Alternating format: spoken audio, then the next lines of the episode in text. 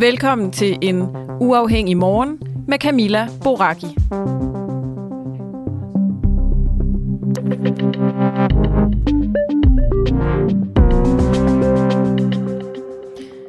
Ja, godmorgen. Mandag den 22. august. En øh, dag, hvor vi fortsætter vores historie om Vækstfonden og deres øh, direktør. Har vi et par interviews senere i dag. Og jeg skal også interviewe en minister. Det er jo faktisk øh, lidt en sjældenhed. Mest på grund af, at det er, kan være ganske svært at få fat på ministre, og det typisk er nemmere at få fat på ordfører, selvom det heller ikke altid er det nemmeste i verden. Den minister, jeg skal snakke med, det er Christian Rabia Madsen, bolig- og indrigsminister. Eller indrigs- og boligminister, tror jeg faktisk, det hedder, for at være helt præcis. Det skal jeg klokken øh, halv ni, og det er angående de her, øh, det her nye forslag, som regeringen er kommet med om øh, et loft over huslejestigninger. Det skal nok blive interessant. Vi starter dog et andet sted og spørger, om øh, politikerne er blevet så forhippet på at fremstå klimavenlige, at fornuften bliver tilsidesat. Der er jo mange partier, og øh, et parti, man kunne tage som eksempel, er Alternativet, der lige nu kører en kampagne om, at vi skal have et klimavalg. Øhm, og øh, både partier til højre og til venstre for midten kæmper grådigt om at kunne kalde sig det mest klimavenlige parti i Folketinget. Selv konservative kunne man høre Søren Pape sige, at de var et meget klimavenligt parti. Men spørgsmålet er, om politikerne til side sætter deres sunde fornuft, når de prøver at overbyde hinanden i tiltag, som i hvert fald på, på papiret skal redde klodens klima. Nu skal jeg tale med Brian Vad Mathisen, som er professor i energiplanlægning fra Aalborg Universitet. Og Brian, er det, er det uansvarligt af politikerne at søsætte flere, eller, eller sådan, søsætte endnu flere klimainitiativer? Og godmorgen. Godmorgen. Nej, altså man, det kan man ikke sige, det er uansvarligt generelt øh, at øh, øh sætte, sætte flere øh, ting i søen. Altså det er jo sådan med den klimakrise, vi står i, øh, øh der skal vi jo øh, hele tiden have fokus på og, og sørge for, at vi, vi kommer i mål. Og, og vi skal også holde øje med, at de øh, tiltag, som vi øh, gerne vil have, virker øh, ude i samfundet, de faktisk også har den effekt, som vi håber. Og hvis ikke de har den effekt, så skal vi jo justere øh, tingene til. Så, så vi skal jo også sådan monitorere eller holde øje med, om, om det nu går, som, som vi gerne vil. Er det noget, man, er det noget, man ser, at, at de ikke har den, øh, den ønskede effekt, tiltagene? Ja, det er jo, altså nogle gange ser man jo, at, at tingene ikke virker enten øh, altså så hurtigt, som vi gerne vil, eller, eller på den rigtige måde. Øh, man kunne altså tage sådan noget som energieffektivitet og, og, og isolering af boligmassen, at potentialet der er, er gigantisk stort, men det er noget, der, der bare ikke er top of mind øh, for, for den enkelte husstand, og, og derfor så ofte heller ikke sker. Øh, selv med, med nogle af de her høje energipriser, er, det, er der mange, der ikke har, har, har fokus på det, enten fordi man ikke er klar over det, eller fordi man synes, det er for besværligt, øh, selvom der faktisk kan være økonomiske fordele ved at, at isolere sin bolig mere. Øh, men, men hvis man ser på, på, på vind og sol, øh, jamen altså, så, øh, så er ambitionsniveauerne så høje, at altså, man kan ikke sådan begynde at lægge, øh, blive ved med at lægge oveni øh, på den korte bane. Og, og, og der øh, synes jeg, det er mere vigtigt, at vi sørger for at få, øh, få et medejerskab af de vindmøller og, og, de, og få de her solceller op på de store tage omkring de store byer, end at begynde at byde ind med, at vi så skal have øh, endnu mere op at stå og når du siger medejerskab, er det så fordi, at det jo ikke er, er staten, der ejer vindmøllerne? Nej, det, det, er, Øh, det er fordi, at det, der kan være problemstillingen, det med hensyn til for eksempel vindmøller på land, det er jo ikke, at der ikke er et politisk ambitionsniveau på, at man gerne vil det, og, og hæver sådan set også, at mange kommuner også gerne vil øh, finde ud af, hvor de skal være henne, men når jeg siger medejerskab, så er det fordi, at det er jo en af de midler, der er for at, at sørge for, at man også lokalt synes, det er en god idé. Altså, øh, jeg er meget stor tilhænger af, at man laver nogle systemer, hvor at man, man sørger for idéerne øh, til at, at lave et biogasanlæg, eller lave solceller, eller, eller vindmø- landvindmøller, at, at det opstår lokalt. Øh, at det er noget, man tager initiativ til lokalt. Eller hvis der kommer nogen udefra, der gerne vil tage initiativ til det, at de så inddrager lokalt befolkningen, øh, fordi så, øh, øh, så går den grønne omstilling altså noget, øh, noget nemmere. Og du sagde før, at øh, man skal, altså, vi skal ligesom have styr på de her ting, før vi begynder at lægge oveni. Er det det, som du vil mene, at politikerne bliver lidt for hurtigt på aftrækkeren med hele tiden at ville flere og flere ting? Ja, altså, øh, jeg synes, der, der er udviklet sig en tendens til de senere år, hvor at, øh, øh, at vi ser, at der, der kommer en, der kommer nogle, nogle nye rapporter fra FN's klimapanel, øh, at det går hurtigere, at det går værre til i, i virkeligheden. Alle de her FN-rapporter viser sådan set det samme, som vi hele tiden har vidst. Vi får bare bekræftet nu med flere og flere tal, at det, man har sagt det hele tiden, det er fandme også rigtigt.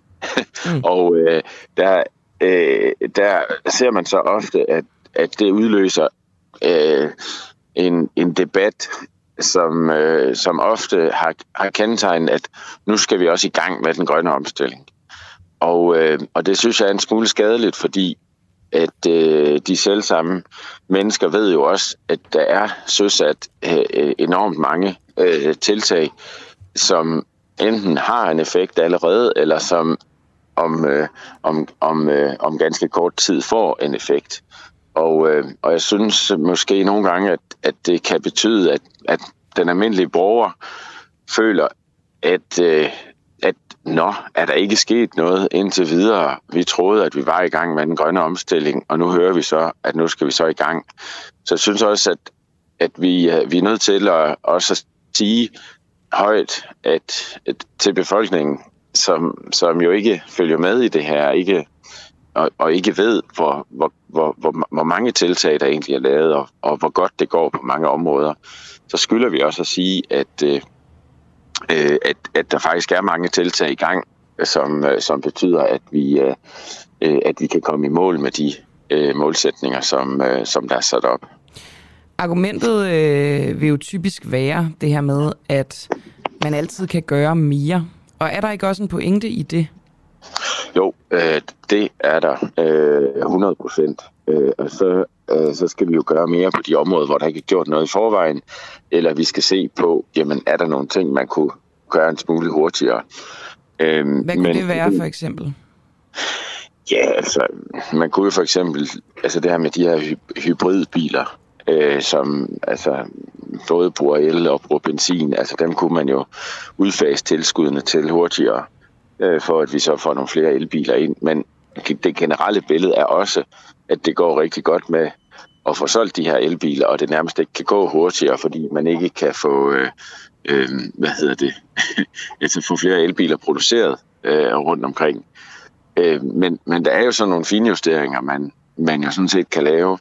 Hvis vi ser på det, der hedder Power to X, altså det her med at lave brændsler, som, som er baseret på, på vindmøllestrøm, øh, så, øh, så mener jeg ikke, der skal flere tiltag til der lige nu, øh, fordi at der er sat milliarder af kroner af, og vi har ikke set, hvordan de anlæg virker endnu. Og øh, hvis vi skal bygge oven på det, så skal vi simpelthen have nogle erfaringer med de projekter, vi har søsat, inden vi begynder at tage beslutninger om nye anlæg. Øh, tilsvarende med det her med at lære CO2 ude i, i Nordsøen i undergrunden. Der er sat penge af øh, til nogle ganske store projekter, og, øh, og jeg mener sådan set, at vi skal se, at de projekter virker, inden vi begynder at gå videre øh, med det. Men altså, når vi så ser, at de anlæg virker om en 3, 4, 5 år, jamen, så kan vi godt træffe nogle nye beslutninger om, hvad vi så skal mere end det. Men, men at, at, at, at træffe de beslutninger lige nu, det, det giver ikke ret meget mening på, på, på de to områder for eksempel. Så det kan jo potentielt være de for, forkerte beslutninger, måske også økonomisk øh, omkostningsfyldt, for, for omkostningsfyldt i forhold til, hvad det behøver at være, hvis man nu gav det tid? Ja, ja nemlig. Altså, og det er jo ikke fordi, at jeg ikke er utålmodig i forhold til den grønne omstilling. Det er mere fordi, at vi skal jo, vi skal jo når vi investerer, være sikre på, at det har den maksimale effekt. Og, og det kræver altså, at vi har nogle flere erfaringer med nogle af de her nye teknologier. Øhm, men, men helt generelt, så, så, øh, så, så handler det også om at holde, holde øje med de forskellige områder. Går det så hurtigt, som vi kunne ønske? Er der noget, vi kan gøre for at speede den lille smule op rundt omkring? Generelt så er der sådan set tiltag på, på alle områder, bortset fra, øh, øh fra på landbruget, øh, hvor at, øh, at, at der, der mangler nogle tiltag fortsat. Øh, men ellers så er der jo lavet tiltag. Og jeg vil også sige i forhold til øh, den energikrise og den øh, vanskelige situation, vi står i på grund af, af krigen her på det europæiske kontinent, øh, med de høje energipriser, så, så er det jo faktisk sådan, at nogle af de ting, jeg havde forventet ville tage, tage ind til 2030, jamen de bliver allerede øh, indfriet øh, på, på væsentligt kortere tid. Så, så øh, krigen har jo også betydet på mange måder, at det har accelereret den, øh, den grønne omstilling. Ja, for der er, vi, øh, der er vi blevet tvunget til det, kan man sige. Men det kunne vi jo godt have tvunget os selv til, hvis krigen ikke havde været der i princippet. Ja, men nu, nu, nu siger du det som om, at der ikke skete noget før, at krigen startede. Og det er lige så meget noget vores, øh, som, øh, øh, som når øh, øh, nogle politikere siger, at nu skal vi også i gang med den grønne omstilling. Altså, det, det er ikke sådan, at der ikke skete noget med hensyn til at udbygge fjernvarmen, eller med hensyn til at få elektrificeret industrien og få erstattet naturgassen, før krigen startede. Der, der skete også en masse ting. Men det, at krigen startede, har betydet, at dem, der sidder ude i bestyrelserne rundt omkring, der kan træffe, træffe de her beslutninger, og også politikere inde, inde på Christiansborg har lavet nogle tiltag, sådan at det er blevet accelereret til et omfang, der også har nogle økonomiske konsekvenser øh, rundt omkring, som, som jo er ganske store. Men der skete altså også en masse ting på det her område før. Og det er det, jeg siger, at det har accelereret det sådan, at vi når de samme ting, som vi havde håbet på at nå i 2030, men dem når vi måske i 2027 eller 2028. Tak for det, Brian Vad Mathisen. Det er godt. Ja, selv tak. Hej. Hej, professor i energiplanlægning fra Aalborg Universitet. Hvad er de negative konsekvenser af Tue Mantonis dobbeltroller? I fredags kunne vi her på øh, Den Uafhængige afsløre, at formanden for Vækstfonden, Tue Mantoni, har økonomiske interesser i en virksomhed, som fonden har givet millionlån til. Og jeg kan måske bare lige hurtigt øh, forklare, at Vækstfonden det er en statslig investeringsfond, som øh, skal medvirke til at skabe flere nye vækstvirksomheder ved at stille kapital og kompetencer til rådighed. Og Vækstfonden den øh, hjælper altså nye og etablerede virksomheder, der har behov for at rejse risikovillig kapital til udvikling og vækst. Og øh, i 2017 investerer øh, Tuman Tony, altså formanden for Vækstfonden, i virksomheden Soundbox og bliver næstformand i Soundboxes bestyrelse. I 2018 der bliver han så medlem af Vækstfondens bestyrelse, og i 2019 der smider Vækstfonden 15 millioner efter Soundbox. I 2020 der bliver Tuman Tony formand for Vækstfonden, og i 2022, altså i år, der låner Vækstfonden yderligere 25,6 millioner kroner til Soundbox. Nu skal jeg tale med øh, Carsten Tangård, som er professor ved, øh, ved Institut for Økonomi på Aarhus Universitet. Og øh, Carsten, hvad ser du som det største problem ved øh, Tuman Tonis dobbeltroller i Vækstfonden, Soundbox og Joe and the Juice? Og godmorgen. Godmorgen. Hørte du øh, mit spørgsmål, Carsten, eller kom du først på lige her? Jeg kom, jeg kom lige lidt sent på, tror jeg. Det er i orden. Så øh, stiller jeg det igen. Øhm, jeg kunne godt hø- tænke mig at høre, hvad du tænker er det største problem ved øh, formanden for Vækstfonden, Tuman Tonis dobbeltroller, altså i henholdsvis selvfølgelig Vækstfonden, men så også i Soundbox og Joe and the Juices bestyrelser? Jamen, det er jo den interessekonflikt, der ligger i, at man øh, både skal varetage øh, de der virksomheders øh, interesser og så vækstfondens interesser. Det er generelt meget, meget svært at øh, ja, det er det der med, at man kan tjene to herrer på en, på, på en gang. Det, det, det, det, er, det, det er altid en, en skidt idé, at det er på den måde. Så det er det, sådan, det største problem, jeg umiddelbart ser. Jeg kan huske fra, fra Statens Kunstfond, at der, der kan der også ske lignende ting. Og der er det sådan noget med, at der, ja. der øhm, holder det bestyrelsesmedlem sig så væk, når der skal besluttes noget, som de har interesser i. Det kan jo også være det tilfældet her. Vil det ikke øh, kunne ligesom løse problemet? Altså det ved jeg, jeg er jo så ikke om, om det er tilfælde, og der er jo generelt den slags regler øh, om, at man så træder uden, uden for døren. Men det er klart, at når man det er formand for, for den der bestyrelse, Øh, så, øh, så har man jo så stor indflydelse på, hvad der foregår, at, øh, at det er nærmest svært at forestille sig, at man overhovedet kan undgå en interessekonflikt, og heller ikke ved at bare træde uden for døren, når der tages en beslutning.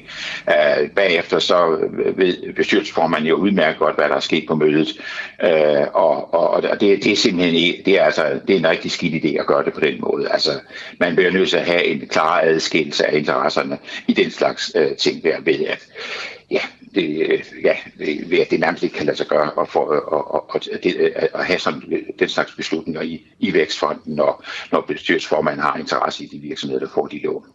Og hvis vi så kigger på det økonomiske, altså øh, hvilke fordele man kan have, eller man kan have, hvis man er i uh, Tuman Tonis sko, Øhm, hans personlige økonomi, når han har øh, investeret i for eksempel Soundbox og, øh, og Joe and the Juice, når Vækstfonden så går ind og hjælper de virksomheder, kan han så Øh, kan det være lukrativt for ham, og hvordan? Det kan man jo ikke vide, om det er, men man må jo antage, at det er hans formål at øh, på de investeringer og tjene nogle penge på de investeringer helt personligt, når han har foretaget dem.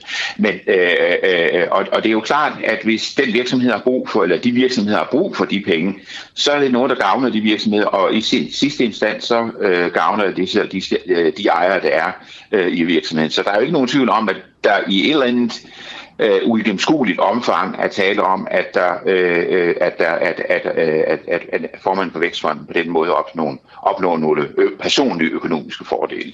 Øh, de kan være svære at gå op, hvad, hvad, hvad, hvad de består i, hvor store de er, men, men det, er der ikke, det er der jo ikke nogen tvivl om, at det, det, det kan være tilfældet. Med min sparsomme økonomiske viden, så tænker jeg bare, at øh, fordi Vækstfonden de ligesom er til os for at lave de her lidt mere risikovillige øh, Øh, investeringer, så, øh, så er det vel også en fordel, når det er lige præcis dem, man får en øh, kapitalindsprøjtning fra. Jo, jo, det er klart. Og der er ingen ende på de virksomheder, der gerne vil have risikovillig kapital. Altså det er, øh, det, er meget, meget efterspurgt at få den slags penge. Så derfor, øh, øh og fordi de har en stor gavn, hvis man er en virksomhed, der har brug for, for kapital til vækst, eller hvad der kan være tale om, øh, så er det jo, øh, så er der jo, så, så er det jo en kæmpe fordel for den virksomhed at gå ind og få pengene øh, et sted som i, som i Vækstfonden. Ikke? Øh, det, det, det er fuldstændig indlysende. Det, det, det er meget, meget, øh, det er meget, meget vigtig finansieringskilde og det, vil også, det og det er vel også penge, de ellers måske ikke havde fået? Det kan sagtens være. Der er jo grund til, at, at staten går ind, eller ja, ja, vi, vi her i landet har, har, har, har, øh, har etableret Vækstfonden, det er jo fordi, det er åbenbart er svært at få, få kapital på, på, på markedsvilkår, for eksempel gennem banker eller gennem børsnoteringer og den slags. Så, så det er der ikke nogen tvivl om. Øh, det, det, det er virksomheder, der har, øh, der har meget brug for de penge der. Det, det er der jo ikke nogen tvivl om. Øhm, som vi også var inde på øh, i starten, så øh, er det jo ikke nødvendigvis sådan, at Truman Sony har brudt Vækstfondens regler i de her sager, men vil du mene, at der burde være klare regler for inhabilitet i, øh, i konstruktioner som, som Vækstfonden? Jeg synes helt generelt, ikke specifikt i forhold til Vækstfonden, som jeg ikke ved så meget om, men, men i, i forhold til alle mulige af den slags, øh, øh sted, øh, den slags øh, øh, virksomhed, øh, hvor der er offentlige penge i, der burde der være meget mere fokus på, på interessekonflikter. Det er et meget stort problem, at, at, at der er ikke ret meget fokus på interessekonflikter. Der er de der gå ud af døren øh, øh, regler, at man selvfølgelig ikke, når det er helt, øh, man er helt indlysende inhabil, så sidder med ved bordet, men der burde være meget mere fokus på den slags. Øh, hvordan det så ser ud specifikt i vækstfonden, det kan jeg så ikke, kan jeg så ikke sige noget præcist om. Tak for det, Carsten Tanggaard. Ja, velkommen professor ved Institut for Økonomi på Aarhus Universitet. Hver dag efter morgenudsendelsen kan du høre et særligt udvalgt interview i vores podcast Den Uundgåelige. Interviewet er valgt, fordi det er det bedste, det vigtigste eller mest interessante – Altså, gælder, gælder ejendomsretten ikke for dig, Bibi, bare fordi du er kunstner? Jo, jo, selvfølgelig gør den det, og det er klart, at hvis der skulle være et, øh, et efterspil, så står, jeg, så står jeg naturligvis øh, til rådighed for domstolen, og jeg øh, forholder mig til, til de følger, der måtte komme. Det står jeg 100% til ansvar for. Du finder den uundgåelige i vores app, eller der, hvor du henter din podcast. Et nyt interview hver dag. For dig, som ikke fik hørt hele morgenudsendelsen, men ikke vil gå glip af dagens bedste interview.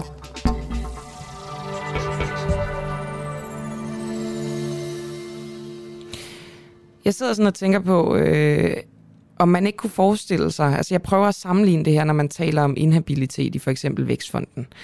Øh, der er en formand, og han har en interesse i nogle virksomheder. Han går så uden for døren, når det skal besluttes, om øh, man vil give en kapitalindsprøjtning til de virksomheder.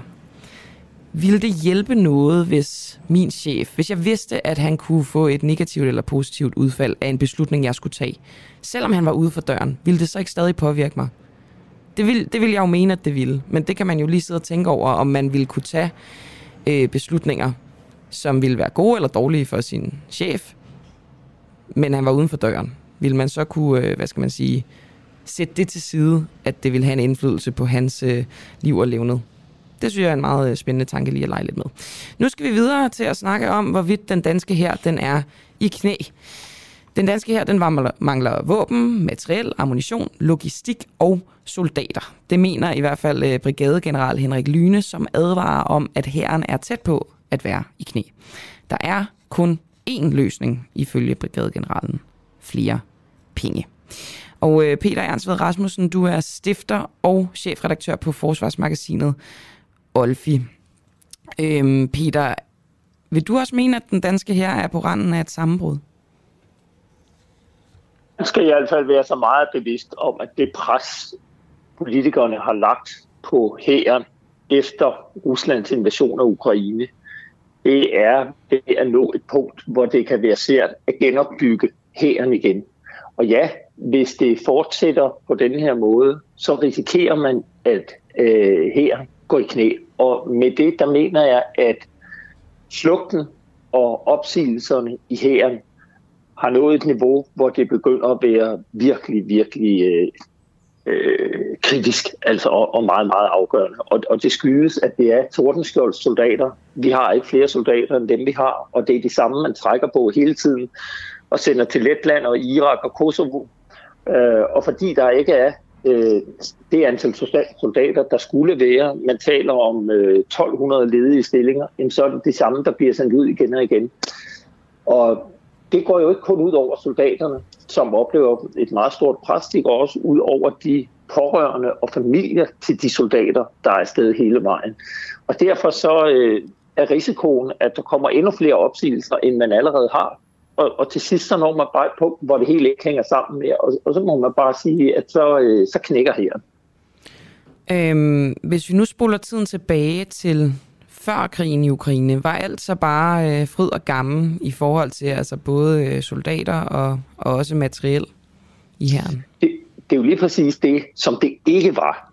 Altså, vi har jo bragt os selv i en situation, hvor vi ikke havde et tilstrækkeligt forsvar. Og på det værst tænkelige tidspunkt rammer krigen i Ukraine, hvor politikerne så ønsker at vise handlekraft og ønsker at vise, at vi bakker op om støtten til Ukraine, og vi bakker op om NATO, og dermed engagerer vi alt, hvad vi har.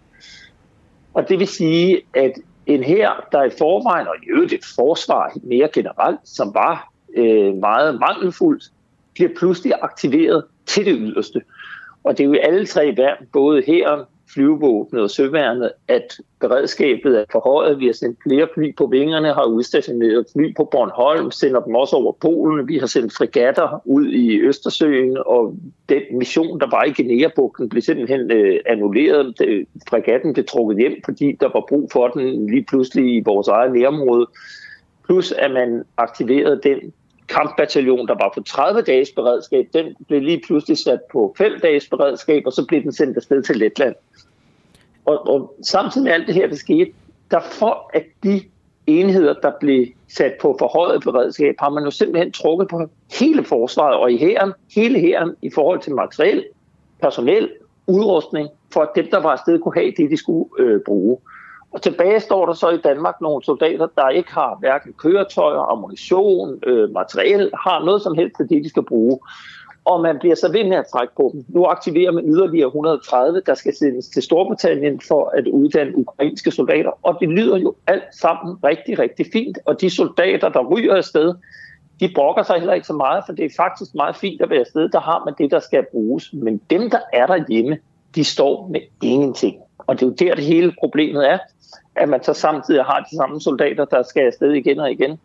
og så til sidst siger folk bare op, fordi lønnen er ikke særlig attraktiv, og når man ikke engang kan få det, man skal bruge for at udføre sit arbejde, så gider man til sidst ikke mere. Jeg kunne godt tænke mig at tale lidt om, hvor uansvarligt det her er, fordi øh, selvfølgelig kan alle godt forstå, at hvis der ikke er flere soldater, så kan de heller ikke blive sendt ud. Men når du siger det her med, at dem, der er herhjemme, ikke har det øh, materiel, de skal bruge, er det så problematisk i forhold til, at vi skal have backup, eller er det måske okay? Fordi, hvad, hvad, altså, hvis du forstår, hvad jeg mener, øh, skal vi bruge så Jamen, meget altså, materiel herhjemme?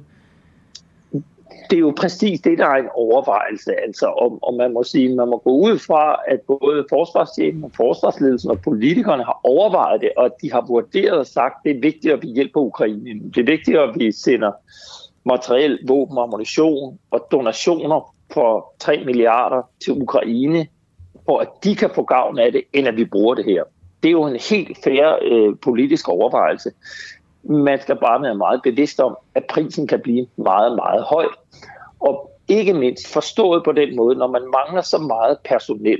Vi ved alle sammen, at i det nationale kompromis fra marts måned, der blev indgået der en uge efter, at øh, krigen var kommet, to uger efter krigen var gået i gang, der afsatte man øh, 7 milliarder kroner til sådan akut øh, 22 og 23 til, til det, det vil koste med det forøgede beredskab, og man skulle købe en masse ting. Og så siger man, fra det nye forlig bliver indgået, og så frem til udgangen af 2033 vil man hæve forsvarsbudgettet til 2%.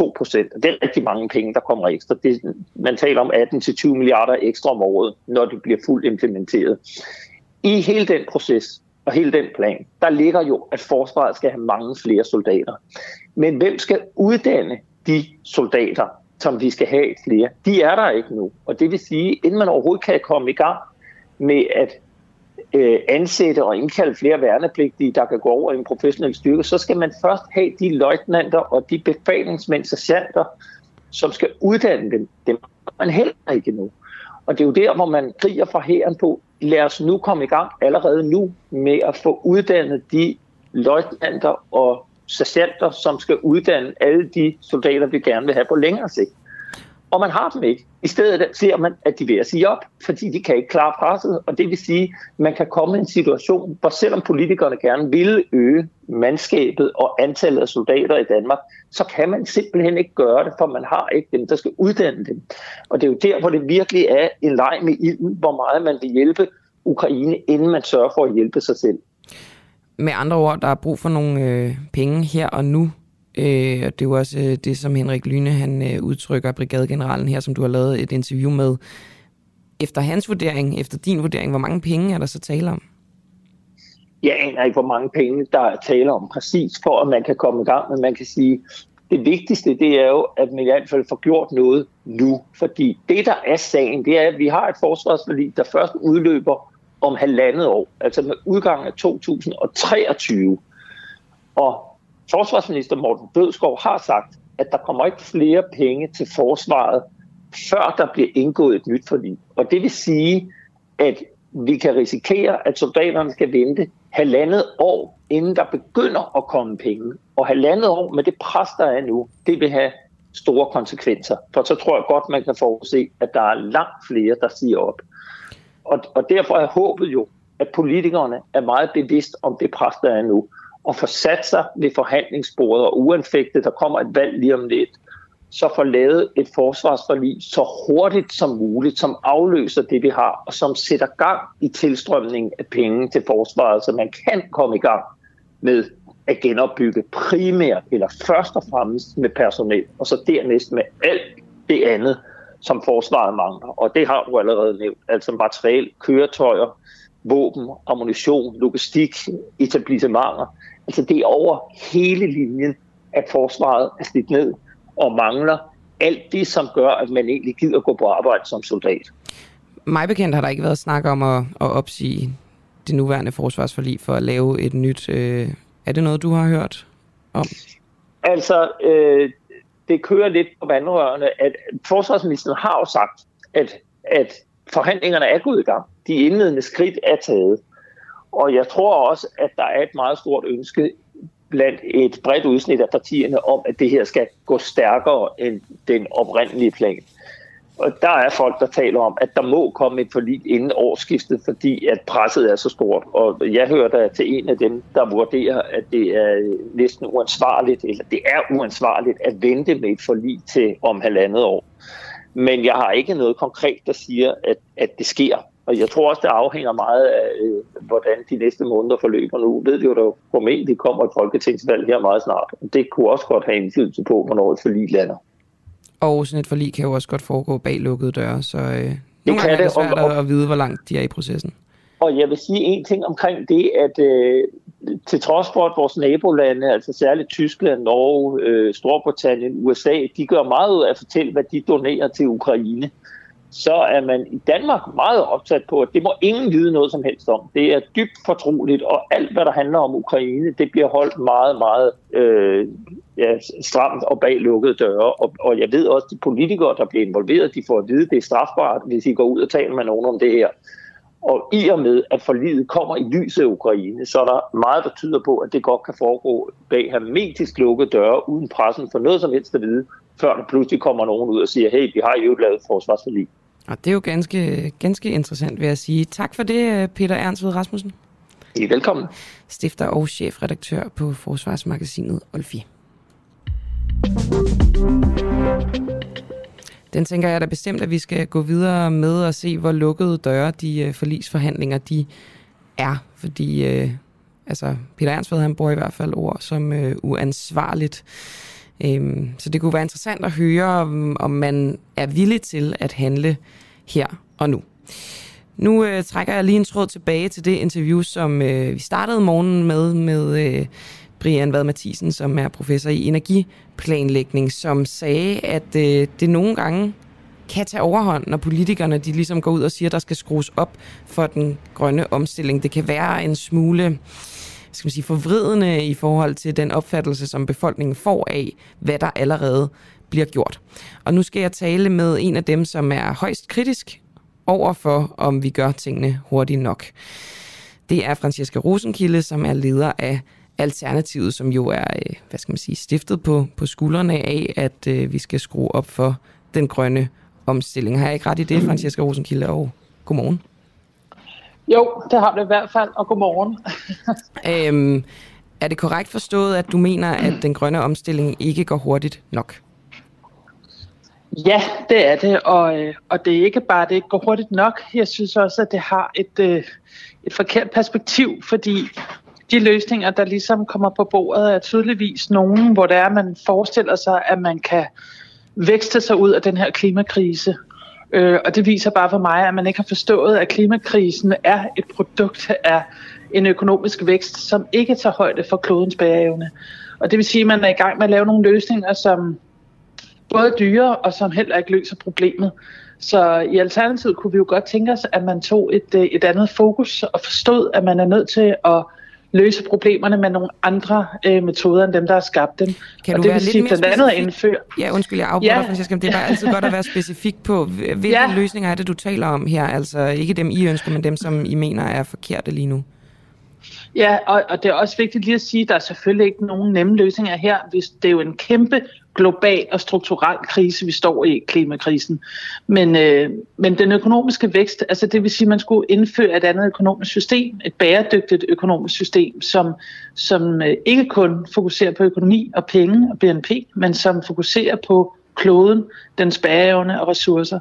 Og helt konkret, så kan man sige, Sidste år, øh, der lavede man jo flere forskellige de her sektorløsninger. Øh, øh, løsninger. det ene, det er landbrugsaftalen.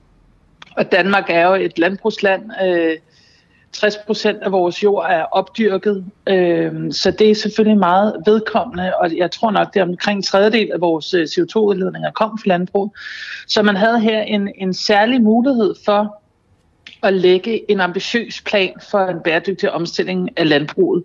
Men til gengæld, eller desværre, så valgte man jo et, et business as usual scenarie, hvor det er, at man fuldstændig freder kødproduktion i Danmark, som jo er den, der uden side sammenligning øh, udleder øh, mest fra landbruget. Øhm, og det er jo en af de steder, hvor det er, man tænker, det var der satans, at I vælger noget, nogle dyre løsninger, som er baseret på teknologier, vi ikke rigtig ved virker. Øh, og det løser ikke problemet. Og så holder man hånden under en kødproduktion, hvor at hvis man nu lagde en ambitiøs plan sammen med erhvervet om at omstille det, så vil man rent faktisk også have en fødevareproduktion ind i fremtiden. Er det det eneste sted landbruget? Kan du komme med andre konkrete eksempler, hvor det ikke går hurtigt nok? Altså i landbruget eller ud over landbruget? Ud over landbruget, hvis vi nu øh, sparker den til hjørne for nu. Ja, det er bare vigtigt for mig at sige, at det er en rigtig stor ind, hvor man vil kunne gøre meget her nu. Yes. Fordi problemet er at mange af de her løsninger, som regeringen kommer med, det er teknologier, der ikke er opskaleret nu. Og det gælder det samme, om det er deres øh, ambitioner på øh, energi, på power to x, på de forskellige øh, øh, områder. Øh, og så er det jo især også øh, her CO2-afgift, som både Klimarådet og mange andre kloge mennesker øh, helt klart blev sat som at være en af de store driver i den grønne omstilling. Og vi var mange, der var spændte på, at vi skulle forhandle den her CO2-afgift. Øh, den kom jo så frem og viste, at den dels var meget lavere, end mange af os ønskede os, og så var den heller ikke ensartet. Det vil sige, at man fredede de største udledere, jo Aalborg Portland og deslige, øh, og så til gengæld, så skulle de små og mellemstore virksomheder jo betale den pris. Og det er igen altså et tydeligt eksempel på, at man vælger øh, nogle klimaløsninger, som er dyrere øh, for samfundet, fordi man holder hånden under de store produktioner. Og for mig at se, alternativt se, så er det jo klart, de store udledere, altså Aalborg Portland og kødproduktionen i Danmark, man skal være aller hårdest over for, kan man sige, men også der, hvor man som politiker bør komme med de bedste løsninger for at kunne omstille dem så hurtigt som muligt, så de ikke fortsætter med at udlede. For lige nu, der er det jo bare som at pisse bukserne for at holde varmen. Er I, øh, altså jer øh, i partier, som er, øh, hvad skal man sige, fremskridtspartier på det grønne område, er I gode nok til at uddybe, hvor vi øh, faktisk er godt med på den grønne omstilling, og hvor vi ikke er? Jeg synes, at lige har gjort et forsøg her i hvert fald. Mm, jamen, øh, jamen nej, altså jeg synes, det, det der er fortvivlende er jo, at de store partier, som lige nu melder statsministerkandidater frem, ingen af dem har en ambitiøs klimapolitik. Og det gør jo selvfølgelig, at mange af os andre øh, er frustreret over, at øh, vi står foran et valg, og hvem skal man pege på, hvis ingen har en grøn, ambitiøs politik? Øh, det kan godt være, at man snakker om, at vi er nogle små grønne partier, men dybest set så burde vi jo have klimakrisen til fælles med alle Folketingets partier. Det burde jo ikke kun være nogle små venstreorienterede partier, der havde den holdning. Man det burde sige, vi alle sammen have. Nu, nu, nu talte jeg med en professor i energiplanlægning tidligere på morgenen, og han sagde, at vi faktisk er ganske godt med, og at det, der øh, er bremsende, og det var du også inde på, det er det her med, at der skal der skal ligesom indhentes nogle erfaringer, før man kan bygge ovenpå, for eksempel øh, vindenergi og solceller og power to x og alt det der. Øhm, så, ja. så på den måde, altså der er en professor, der siger, at det egentlig går sådan over en bred kamp ganske godt. Så er det ikke forkert, mm. når I grønne partier ligesom maler så stort et skræmmebillede op? Jamen, jeg kan anerkende, at på lige præcis energiområdet, det er måske det de steder, hvor det er, at øh, man har været ambitiøs i Danmark helt tilbage fra, da man ligesom satsede på vindenergien. Men når man så kigger eller og lytter til Klimarådet og andre professorer, så kan man sige, jamen der er lavet gode initiativer, men det er bare slet ikke nok. Øh, hvis vi skal nå øh, vores 2030-mål, og hvis vi i det hele taget skal løse klimakrisen, så er vi nødt til at blive meget mere ambitiøse. Og det er vigtigt at forstå, at klimakrisen jo handler om mere end energi og CO2. Altså det handler jo om alle de afledte øh, effekter, der også er omkring biodiversitet, natur og miljø. Og det er derfor, landbruget er så centralt i det her, fordi det rammer på alle øh, felter her. Så det var virkelig et sted, hvor det var, der var mulighed for at blive lige så ambitiøs, som man har, man har været på energiområdet. Så det er fordi, selvfølgelig har vi gjort ting, men vi har bare ikke gjort nok, og det går ikke hurtigt nok. Og vi bør sætte den hele vejen rundt i vores samfund, ikke kun på enkelte sektorer, fordi så fortsætter forbruget jo i skyhøj fart. Og det er jo der, hvor ressourcerne bliver overforbrugt. Altså Danmark har jo brugt, hvad kloden kan nå at reproducere allerede i marts. Og det vil sige, at vi har en produktion og et forbrug, der er skyhøjt. Og så kan det godt være, at der er nogen, der kalder os et grønt forgangsland, men hvordan kan man være det, når man forbruger, hvad der svarer til fire planeter om året? Så det er også noget med den her fortælling, der simpelthen ikke passer. Fordi hvis du kigger på Danmark, måske i forhold til andre øh, meget storforbrugende lande, så er det godt, at vi er ambitiøse. Men hvis vi kigger på, på langt størstedelen af jordens befolkning, der jo slet ikke udleder, som, øh, som vi gør, langt over halvdelen har aldrig siddet en flyvemaskine. Vi er nødt til at forstå, at det forbrug, vi har i Danmark, det er massivt, og vi er nødt til at omstille os. Vi er nødt til at leve på en anden måde. Tror du egentlig, det her bliver et øh, klimavalg? Det kunne jeg jo godt høre på dig, at det håber du øh, men, men, men der sker jo så mange andre ting. Hvad er din fornemmelse egentlig, øh, hvad de store temaer bliver? Det, det var det jo i høj grad i 2019. Øh, bliver det også et klimavalg? Ja, altså jeg skal gøre mit, og jeg vil sige, det jeg synes, det men er... hvad er din fornemmelse, er, er, når, altså, af de andre kollegaer inde på borgen, og de store partier og sådan noget? Bliver det bliver det? det? Jamen, som du selv øh, kan erfare, når de holder deres øh, pressemøder her, det handler ikke ret meget om klima, og det er jo, øh, det er jo dybt forstemmende, især ovenpå endnu en sommer med, med rekorder i hele Europa om øh, tørke og skovbrænde og varmerekorder. Men øh, jeg skal gøre mit, men øh, jeg også anerkender fuldstændig også, at der er andre problemer i vores samfund, øh, som mental trivsel. En unge generation, der aldrig har haft det så mistrives, som de gør nu. Et velfærdssystem, som er ved at knække sammen af, at øh, folk, der arbejder i det, øh, har dårlige arbejdsforhold og for lav løn og inflation osv. osv. Men det er ikke ens betydet med, at klimaet ikke overalt burde være det, som vi var allermest ambitiøse om. Fordi hvis vi ikke løser den krise, så kan resten jo være ligegyldigt. Spændende at se, hvor øh, stor en del af valgkampen, der kommer til at handle om klima. Francesca Rosenkilde, du er politisk leder af Alternativet. Tak fordi du var med. Velbekomme. God dag. God dag. Klokken er 7.41, og øh, jeg vil lige læse nogle korte nyheder op. Københavns Kommune rådede i foråret 2022 en underviser til at skrue ned for brugen af Mohammed-tegninger i et undervisningsforløb, som hun forsøgte at sælge til kommunens folkeskoler, skriver Altinget. Forløbets fokus på Mohammed-tegningerne afskrækkede lærere fra at booke forløbet, lød det i en mail fra kommunen. I dag der begynder retssagen. Kvindelig dagplejer tiltalt for drab på lille pige. Det er retten i Herning, der i dag indleder en sag mod en 58-årig kvindelig dagplejer, som er tiltalt for drab på en kun 15 måneder gammel pige. Ifølge anklagemyndigheden skulle den kvindelige dagplejer have rusket og slået den lille pige i tidsrummet mellem kl. 6.30 og 15.15 den 28. november 2019. Pigen hun døde om natten af sine kvæstelser. Den 58-årige kvinde nægter sig skyldig. Det fremgår af anklageskriftet, at hvis retten ikke at hvis ikke retten dømmer kvinden for manddrab, så mener anklagemyndigheden, at hun bør dømmes for grov vold med døden til følge. Politiet valgte at anholde og sigte kvinden halvandet år efter dødsfaldet. Den 58-årige dagplejer har siddet varetægtsfængslet siden den 18. juni 2021, altså lidt over et års tid. Der er afsat i alt seks retsdage til sagen, og dommen ventes at falde den 5. september. Danmark skal kunne modtage markant flere NATO-styrker og materiel, og derfor skal Esbjerg Havn udvides. Det er en nyhed, der lige er tjekket ind. Og det er den i form af en pressemeddelelse fra Forsvarsministeriet. Og her skriver de, at udbyggelsen skyldes krigen i Ukraine, der stiller, citat, nye krav til Danmark som værtsnationsland. Mandag underskriver ministeren derfor en koordineringsaftale med en række partnere om at udbygge Esbjerg Havn. Det sker den samme dag, som 44 amerikanske militærhelikopter ankommer med fragtskib fra USA til havnen i Esbjerg.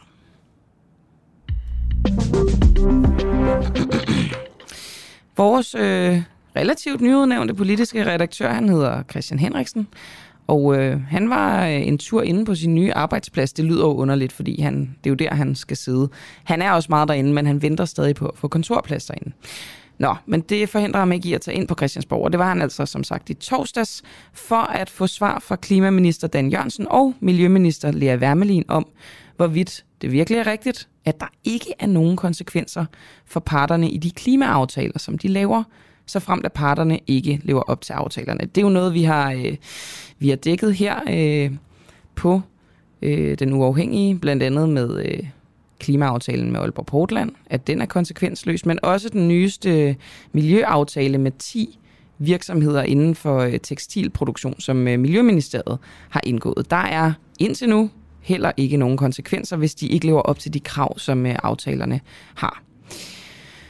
Og øhm, man kan sige, at Christian Henriksen, det håber sig lidt op for ham nogle gange, især med Dan Jørgensen. Han har ret mange spørgsmål, som, øhm, som han gerne vil, øh, vil spørge Dan Jørgensen om.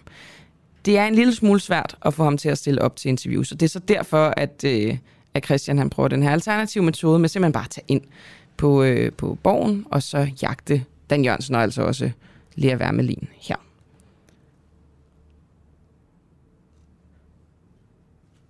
Vi kender det alle sammen.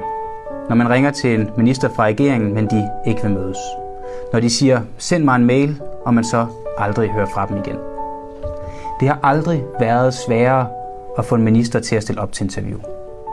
Nu vel, der bliver i ny og næ holdt et pressemøde, men her får man lov til at stille to spørgsmål, medmindre man er Danmarks Radio eller TV2, og så er det videre til det næste. Der er så mange ting, vi gerne vil spørge jer minister om. Dan Jørgensen, er det virkelig rigtigt, at der ingen konsekvenser er for parterne i de klimaaftaler, du laver, så frem de ikke lever op til aftalen? Lea Wermelin, ja, faktisk det samme spørgsmål til dig. Mette Frederiksen, er der overhovedet en kritik i hele verden, der kunne få dig til at hjemsende Barbara Bertelsen? Kan man have en rigspolitichef, Torkild Fode, der med åbne øjne har brudt loven?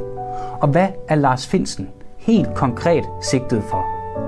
Hvad er det for nogle spionanklager, der ligger og ulmer? Var det dig, der beordrede hans anholdelse, eller var det den nu tidligere justitsminister Nick Hækkerup? Ane Halsbo Jørgensen, du siger, at vi skal tættere på VM i Katar, for vi kan tage stilling til et diplomatisk boykot. Hvor tæt skal vi på? Og hvorfor egentlig? Håber du, at migrantarbejderne ikke er døde alligevel? Mathias Tesfaye, er det stadig meningen, at flygtninge skal sendes til Rwanda? Og hvis ja, hvornår? Og Magnus Heunicke, hvad tager du egentlig for et DJ-arrangement? I har undgået os dag og nat, og nogle gange både dag og nat. Jeg siger ikke, at statsministeren eller regeringen er magtfuldkommende. Jeg siger bare, at de er ekstremt svære at få i tale. Så derfor har vi lavet den her video, for at nå ud til jer. Som statsminister og som regering må man aldrig være bange for at tage ansvaret på sig. Især når det er svært. Det siger du selv. Lad os passe på fremtiden.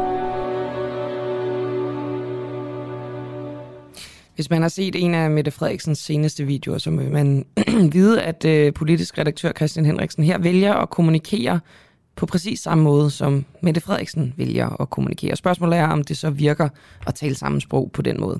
Og nu skal vi altså høre klippet, hvor at øh, Christian Henriksen han, øh, han jagter Dan Jørgensen, klimaministeren og miljøministeren Lea Wermelin inde på Christiansborg.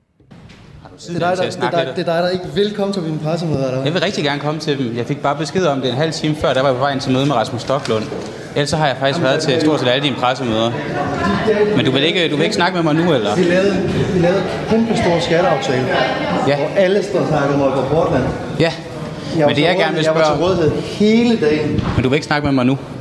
Nej, ikke Eller? nu, jeg, du fanger mig på vej mellem to møder. Nå, okay. Hvornår har du så tid til at snakke med mig? Men øh, for eksempel, når vi holder pressemøder, eller Jamen, kan vi ikke have et interview, Dan, hvor vi kan snakke rigtigt sammen, i stedet for bare to spørgsmål? Hvad? Nå. Og du havde også et spørgsmål til ham, eller hvad? Ja. Lea? Ja. Har du et sekund til at snakke med mig på et øh, tidspunkt? Altså eventuelt nu her på vej ned trappen, eller øh, et tidspunkt, hvor der lige er hul, der er fra den uafhængige. Altså, jeg er lidt på vej tilbage i stedet, så... Ja. Men må jeg, må jeg følge dig lidt af vejen, eller... øh? Kan du ikke hellere tage fat i vores pressemøde? Jamen, det har jeg også prøvet, men der er ikke, øh, der, jeg, jeg har sgu svært ved at få hul sådan rigtig igennem. Men øh, de skal nok tage sig. Okay. Ja, jamen, jeg har også fået svar på telefonen, men jeg har bare ikke fået lavet en aftale. Men men det kan ikke lade sig gøre nu. Okay. Nej, det skal jo også respektere, så det er ikke det. Det var bare... Øh, hvis nu der lige var et hul, det tager ikke mere end to minutter. Det tager kun to minutter, hvis det er. Det tager ikke mere end det. Okay. Ja.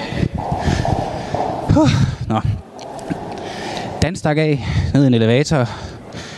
Lea Wermelin, hun stak af. Hun var på vej til ministeriet. Jeg skulle ikke blive klogere. Det havde jeg da måske nok heller ikke forventet, eller hvad? Jo, det skal man jo forvente, men jeg er også bare træt af at blive skuffet.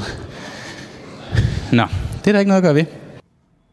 Altså Christian Henriksen, øh, politisk redaktør her på Den Uafhængige. Nogle gange så øh, sidder vi på et redaktionsmøde, og så har vi decideret brainstorms over, hvordan, altså nye måder at få politikere i tale på. Øhm, vi prøver nogle gange Facebook. Vi har prøvet at hacke sådan en Instagram live-sending engang for at få statsministeren i tale. Det virkede faktisk, men det er jo ikke altid, at hun sidder sammen med influencers og, øh, og laver live-sendinger på den måde. Vi prøver selvfølgelig pressemøder, hvor vi nogle gange faktisk forsøger ikke bare at stille de der to helt clean spørgsmål, som det ellers er foreskrevet, men hvor vi faktisk prøver at være i dialog, så det minder mere om et interviews. For det er jo det, vi godt kan tænke os, at få interviews med de ansvarlige ministre, og det er det, der er en lille smule vanskeligt nogle gange. Så egentlig, hvis I sidder derude og tænker, hov, hvorfor har I ikke prøvet det her? Det kan være hvad som helst. Nu øh, sidder jeg ikke og kan give dem eksempler, fordi at vi har ligesom været hele paletten igennem. Men altså, hvis I sidder og brænder inde med alternative måder at få politikere i tale på, så synes jeg virkelig, I skal skrive, øh, skrive ind til os. Og det kan jo som altid være på Facebook, både inde på vores øh, side, men også i øh, live-tråden, hvor vi jo sender live på Facebook lige nu. Der kan I skrive, men I kan også sende en sms til 1245, hvor I skriver DUAH, et mellemrum, og så din øh, besked, så kan det være, at I kan hjælpe politisk redaktør Christian Henriksen med at få øh, hul igennem til. Jeg ved, at Dan Jørgensen ligger ham meget på sinde, fordi det er nok ham, der har været aller, aller sværest at få i tale.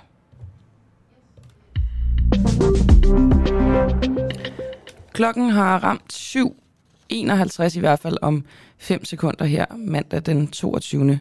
august. Jeg hedder Camilla Boraki, og vi har stadig lidt over en time tilbage af den her udgave af En Uafhængig Morgen. Og nu skal jeg tale med Sten Fredsø, som er projektleder ved Motorsportscenter Fyn. Og hvorfor skal jeg det? Det er fordi, vi skal finde ud af, hvem der har ansvaret for et ubrugt motorsportscenter på netop Fyn.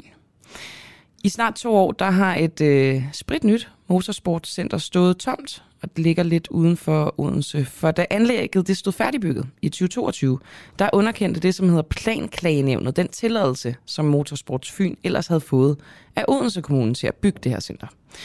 Og øh, efter snart to års miljøvurderinger og togtrækkeri mellem kommunen og planklagenævnet, har Motorsport Fyn nu udskudt åbningen til næste år. Og øh, Sten Fredsø, jeg er som sagt projektleder ved Motorsportscenter Fyn. Hvorfor vil øh, planklagenævnet ikke tage jeres baner i brug? Og godmorgen. Ja, og godmorgen. Ja, hvorfor vil de ikke tage vores baner i brug? Øh, altså, det, det, det, det hænger måske ikke helt sådan sammen, at de ikke vil tage vores baner i brug, men, men øh, altså, miljøgodkendelsen og plan, øh, lokalplanen blev jo ophævet af netop planklagenævnet. Og, og det er jo så det, der skal genetableres, ikke også? Og det er vi jo så i fuld gang med at få genetableret nu. Så... Øh, Hvorfor ophævede man den plan? Jamen det gjorde man jo på grund af, at der var en mulig forekomst af en stor vandsalamander, ikke også? Øhm, øh, som, som de blev opmærksom på, og, og så ophæver man så lokalplanen, og i kraft af, at man ophæver lokalplanen, så falder hele projektet jo så fra hinanden, ikke? og så skal man hen og lave en ny lokalplan. Og det, der gik galt i det her, det var, at, at planklagenævnet mente ikke, at Odense Kommune i tilstrækkelig grad havde indskrevet den her mulige fremkomst af den her store vandsalamander i lokalplanen. Øhm, og så, så bliver lokalplanen jo så fjernet med trylleslag fra den ene dag til den anden. Ikke? Som jeg forstår det, der har I hos Motorsport Fyn modtaget tilskud på i alt 1,7 millioner kroner fra kommunen til at foretage miljøundersøgelser. Hvorfor øh, opdagede I ikke de her miljø... Nej, undskyld, vandsalamandere? Øh, jamen, jeg tror som ikke, de er der. Og hvis de er der, så, så, øh, så gemmer de sig jo godt jo. Øh, der er ikke rigtig nogen, der har set dem endnu, men, men der er jo en mulighed for, at de er der. Altså, man ved øh, ikke, om de er der, eller nu bliver jeg forvirret. Ja, velkommen til. Jamen, øh. altså, så, så, øh, så altså planklagenævnet har, har ophævet, hvad skal man sige, øh, den byplanlægningsplan, der var, på grund af, at mm. der er vandsalamenter, men man ved ikke, om der er vandsalamenter. Der er en mulig fremkomst af en stor vandsalamander, men det er der jo alle steder i verden. Ikke? Det, det er der jo. Hvis du har et brand, du har en brændesteg hjemme ved dig selv, så er der måske højst sandsynligt også en stor vandsalamander. Det er. Altså, så man ved det ikke? Vand... Så det fordi, man ikke har tjekket, om der er vandsalamandere? Jo, vi har tjekket, og, og, og vi har tjekket for mange fede dyr derude, og, og, og, og der er mange fede dyr, men lige nøjagtigt den store vandsalamander har vi så ikke fundet.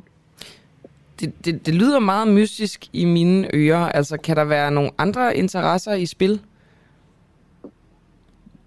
Jamen altså, den undersøgelse, der er lavet, som, på, øh, som, som, som, som hævder, at der er en stor vandsalamander, det er jo en undersøgelse, der er lavet af de mennesker, der ikke ønsker, at vi er der. Det skal vi lige holde fast i. Og hvad er det for nogle mennesker? Det er en borgergruppe, som ikke ønsker, at der skal ligge en motorbane der. Så det er naboerne? Naboerne, ja. Og, og de har... Ej, nu begynder det at lyde de, rigtig skørt. De, de, de, de, har, de har været ude og købe en biolog til at køre ud og kigge i den sø, som er en kunstig gravet sø, som blev gravet for en 6-7 år siden. Og den, den biolog, som de har hyret til det, har, øh, har kigget i den sø og fundet noget, som han mener er æg fra en stor vandsalamander. Det er det. At denne her bio, altså siger du, at den her biolog er korrupt? Og de ligesom... Nej, det siger, det siger jeg i hvert fald ikke. Det kan jeg godt love dig for. Det okay. kunne jeg aldrig nogensinde finde på. Men så skal jeg bare lige være med, fordi så, så er det vel reelt nok, at der er de her æg. Det, det tænker jeg. Det, okay. det må det jo være. Han har, han har vel fundet de æg. Mm, men så er der vel heller ikke noget problem. Så kan man vel potentielt redde en vandsalamander.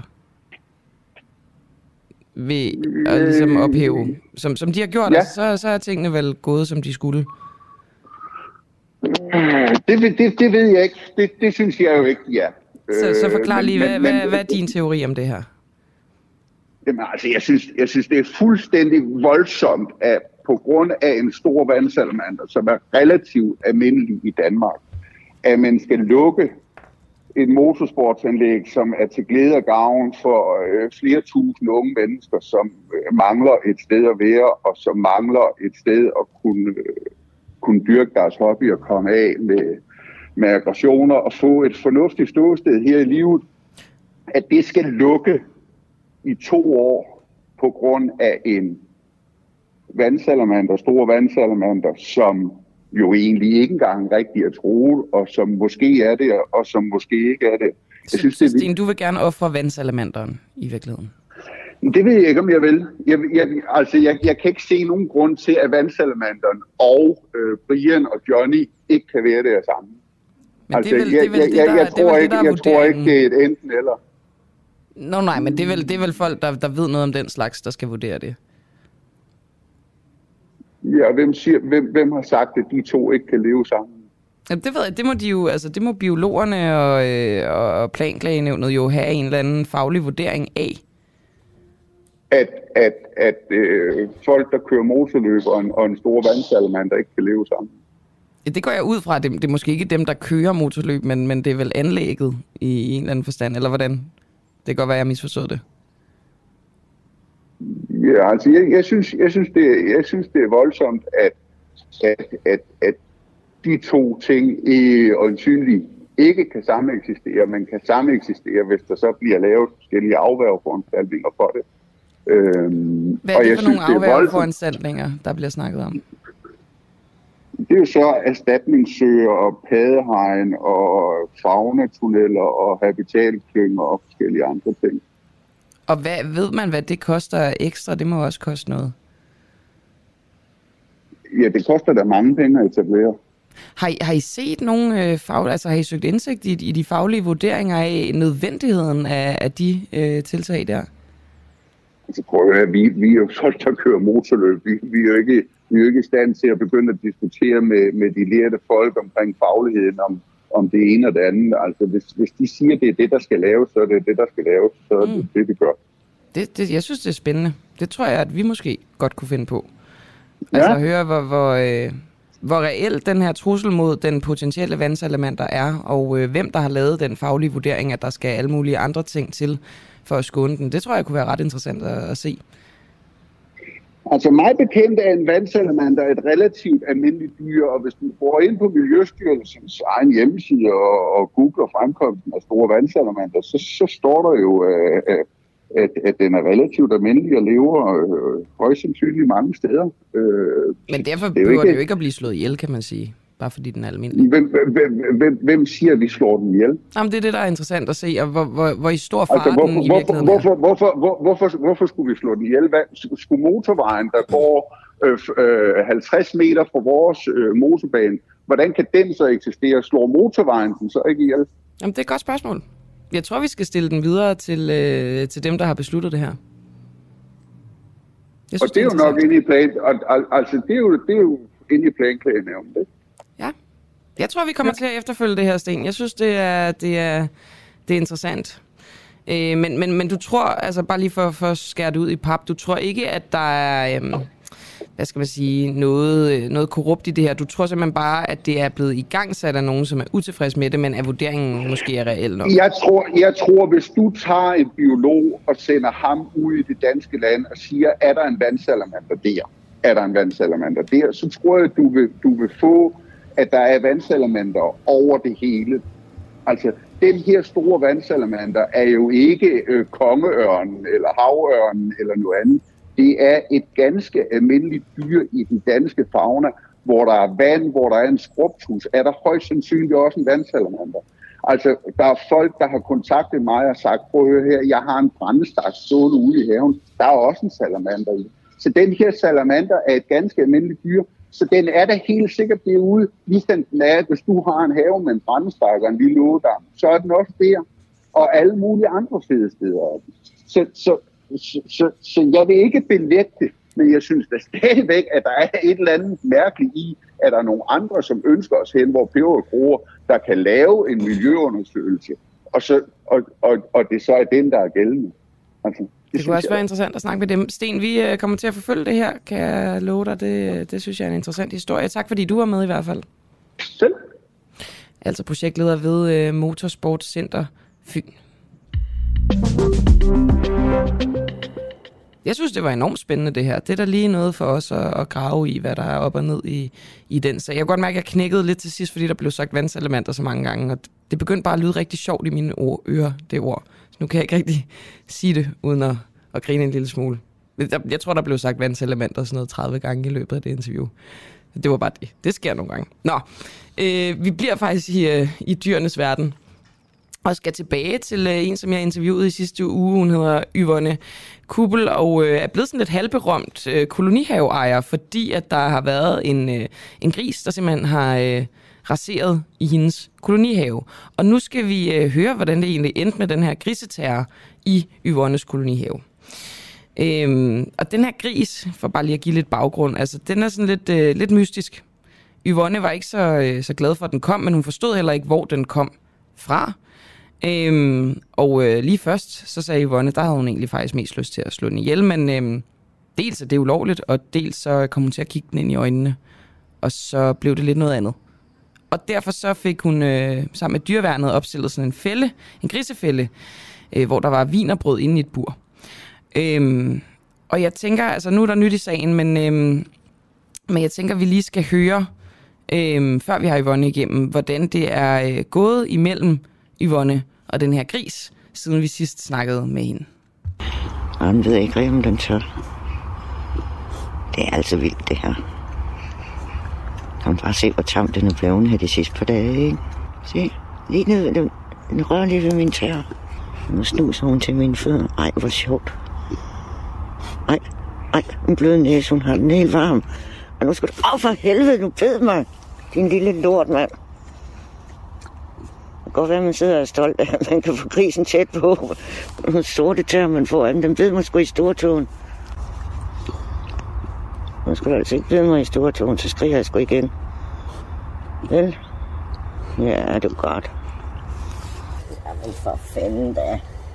Jamen, det er sgu da helt utroligt, ikke? Helt utroligt. Jeg har ikke prøvet at se den. Det er altså ikke en tissemand, den har. Det er den snagle. Nå. For fanden, hvor er den sød. ja, men du er da så sød. Det er nogle smukke øjenvipper og øjenbryn, den har. Ja, jeg hører meget kærlighed her, må jeg sige. Øh, det, øh, Er det rigtigt forstået, øh, Yvonne Kuppel, kolonihavejer, som altså har været plaget af gris? Altså, øh, hvordan er I to blevet så gode venner, siden vi snakkede sammen sidst? Ja, godmorgen til jer. Godmorgen, godmorgen. Jamen altså, det kom jo så af, at øh, den kom tidligere og tidligere om morgenen, og så åbnede jeg mit vindue ind til udstuen, og så lukkede jeg den med kammerjunker. Du, og så kom den jo helt, helt hen til vinduet og sådan noget. Og så gik den bare rundt ude i haven. Så fredag morgen, der satte jeg mig på en taburet derude klokken kvart over syv med min kaffe og det hele. Og så begyndte den bare at komme tættere og tættere på. Men Yvonne, det her var jo din fjende. Altså, det, den havde ødelagt din min, ja, men kolonihave. det har det ikke været. Jeg har været så grødkvalt over det, efter at den er væk. Nå, nå, Altså, øh, jeg, skal bare lige, jeg skal bare lige, hvis vi nu spoler tiden tilbage, ikke? fordi da jeg snakker med dig første gang, der fortæller du jo, at lige først, der er du, ja, bare for at sige det på godt gammeldags dansk, røvirriteret på den her gris. Ja, jamen det var man jo. Øh, ja, det er jo klart. Den ødelægger din have. Ja. Øhm, du begynder, du fortæller noget om, du kigger den ind i øjnene, men, men derfra, altså sidst vi snakkede, der havde I endnu ikke fanget den i den her vinerbrødsfælde. Øhm, men, men fra da af, hvordan er I så blevet så gode venner, at du lokker den lige frem med kammerjunker? Jamen altså, det var jo det, vi skulle fodre den med. Øh, vinebrød og kammerjunker. Og, og så lige snart jeg gik ud i haven der, så smed jeg jo noget, der, når jeg gik ikke, så kom den jo efter mig. Så jeg lukkede den simpelthen. Men, men, men øh, fandt, fandt du så ud af, hvor den øh, hørte til? Nej, det har vi ikke fundet ud af. Den havde ingen chips eller noget som helst. Nå, det er godt nok underligt. Nu begynder det at Ja. blive øh, en true crime-historie igen. Ja. Øh, det var da godt nok spøjst. Det plejer ja. De vel at have på. Det kan, Ja, ikke altså, være, hvis, øh, det kan jo ikke være en vild gris, jo. Altså, det har vi jo ikke. Nej, det er sgu nogen, der bare har afleveret den her ud og tænkt, øh, ude ved skoven derude, at ved, den må klare sig selv. Nå, men I bliver så bedre og bedre venner. Men hvor er den nu? Nu er den på dyreværnet, efter jeg fangede den i fælden der i lørdag morgen, ikke? Okay. Var, var der noget i dig, som tænkte sådan, ah, måske skulle jeg bare lige lukke den ud af fælden igen, og så Ej, fortsætter vi Nej, vores ved du hvad, det vil jo være synd. Det vil jo være synd. Altså, den skal ud og have et, et sted, hvor den har det godt og kan få noget mad og sådan noget. Kunne du ikke være hos dig, Øverne? Nej, det må vi jo ikke. Vi må ikke have det her, jeg faktisk... Altså, så, altså, hvis jeg havde plads og sådan noget, men vi må ikke have sådan noget dyr herude. Og det kræver jo simpelthen, at man har dobbelt, dobbelt trådnet og alt sådan noget med stød i for at have sådan et dyr, ikke? Så det er en lille smule besværligt. Ja, det er meget og, besværligt. Ja, ulovligt. Så okay, men ja. øhm, så der er simpelthen ikke nogen mulighed for, at, øhm, at du kan øh, beholde din relation til den her gris? Altså, de har lovet at fortælle mig, hvor den kommer hen, og så vil jeg selvfølgelig besøge den der. Fordi men- det kunne jo være sjovt, hvis den kunne, den kunne høre det på mig, på min stemme, hvem det var, ikke? Ja, du skal da komme med kammerjunker, tænker jeg. Jamen, det er da det, jeg skal. Gav du den egentlig et navn? Det, øh, det kan jeg ikke helt huske. Nej, det gjorde jeg ikke. Nå, hvorfor gjorde du egentlig ikke det? Jo, jo, det gjorde jeg da. Øh, Jo, det er fordi, jeg er så forvirret. Ved du hvad? Den, den hed jo Erna. Og så pludselig begyndte den at, at ride på mit ben, da den var helt ocean. Så kom der en tissemand ud, så nu hedder den altså Erling. Den hedder Erna Erling. Erna Erling. Ja, okay, yes, yes, yes. Okay, der kommer tidsmand ud. Yes, så det er en, det er en, det er en orne. Det var en lille orne, ja. Det var ikke en, en so. Øhm, så, så Erna Erling her, øhm, dit liv uden den, hvordan er det? Ja, det var da tomt. Meget tomt. Det var sådan helt vemodigt der, da den tog afsted. Og min kat var jo gode venner med den og legede med den ude i haven, så den har gået og mjaget her de sidste to måneder. Øh, to måneder. Og hvad med dig? Altså, jeg, jeg er kommet ovenpå nu, ikke? Men altså, jeg må nok sige, da, da de kørte med den og i går, det var meget tomt. Og så alt det oprydning, der var, ikke? Altså, Nå ja, for det er, jo så, det er jo så efterspillet, kan man sige. Din have er blevet ja. øh, raseret. Hvad, hvad vil det kræve af dig at få, få den op at stå igen? Altså nu har jeg så fået tør, øh, alle græstørvene væk og alt sådan noget. Men jeg kan ikke få lavet noget nyt græs inden øh, lidt. Vi skal lidt længere hen i september og sådan noget. Og, og jeg skal have købt nogle nye planter til min bede og sådan noget. Og der er vel heller ikke nogen, der kan betale for det, hvis man ikke ved, hvor den hører til? Eller kan du få erstatning fra kommunen? Jamen, jeg, har ikke, jeg, jeg skal have ringet til min forsikringsselskab, om jeg kan få noget i dag. Det er, Og nok, ja. øh, det er nok første gang, de hører om, øh, om det. Det tror jeg, men jeg har det jo direkte bevis på video. det er det, det er det. Det er derfor, det er godt, vi lever i den verden, vi gør, så vi alt ja. kan, kan få beviser via vores uh, telefoner. Yvonne, jeg er også men, lidt... Som uh, sagt, jeg har jo troet ja. lidt med, at jamen, så kommer jeg efter medierne, fordi de har brugt mig godt, ikke? Mm. Så må de skulle give en skæv til. ja, det er da lige før, vi skal lave en form for indsamling, hvis, uh, hvis du altså ikke kan få noget af forsikringsselskabet. Ja. Uh, det må du sige til, Yvonne, men ellers så er det jo nok det sidste, vi hører i, i denne her... Uh, jeg har lyst til at kalde det en kærlighedshistorie mellem dig og Ja, men det var og det også til sidst. Det var ja. det bestemt. Øh, tak fordi du var med hele to gange til at fortælle om det. Jamen, det var så lidt. Og have en god dag til jer. I lige måde, Yvonne. Altså, hej, øh, hej. hej. Altså Yvonne Kuppel, som øh, den her kolonihaveejer, der har været plaget af øh, grisen Erling over en længere periode, der nu er slut. Du lytter lige nu til Den Uafhængige. Danmarks måske mest kritiske, nysgerrige og levende radio. Hvis du har en god idé til en historie, så skriv til os på Facebook eller send os en mail. Adressen finder du på hjemmesiden.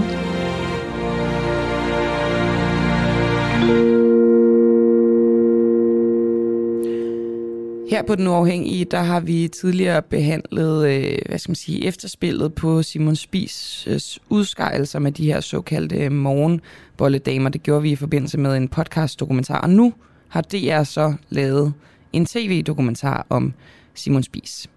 Og øh, det er der altså kommet denne her nyhed ud af blandt andet. Spis-koncernen afkræves undskyldning.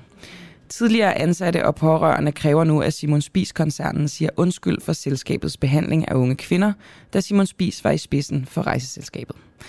Kravet kommer efter DR-dokumentaren Spis og Morgenbolledamerne har afdækket, hvordan rekrutteringen og betalingen af de unge piger var sat i system og kendt inden for koncernen. Jeg vil ikke sige, at det er et spørgsmål om at påtage sig skyld, men jeg synes godt, at man i det mindste kan sige undskyld for det, der foregik i koncernen. Dengang siger Susi Scheik, der i en periode i 1978 var privatsekretær for Simon Spiser, som vi også har snakket med her på radioen. Spis svarer ikke på, om man vil give en undskyldning. De skriver, vi har ondt af de piger, som er blevet udnyttet, og der skal ikke herske tvivl om, at vores, der skal ikke herske tvivl om vores afstandtagen, lyder det i et skriftligt svar. Der kunne jeg egentlig også godt tænke mig at høre, skal, skal Spis-koncernen, det er jo mange år siden det her, øh, skal Spis-koncernen i dag gå ud og sige undskyld? Kan man overhovedet det?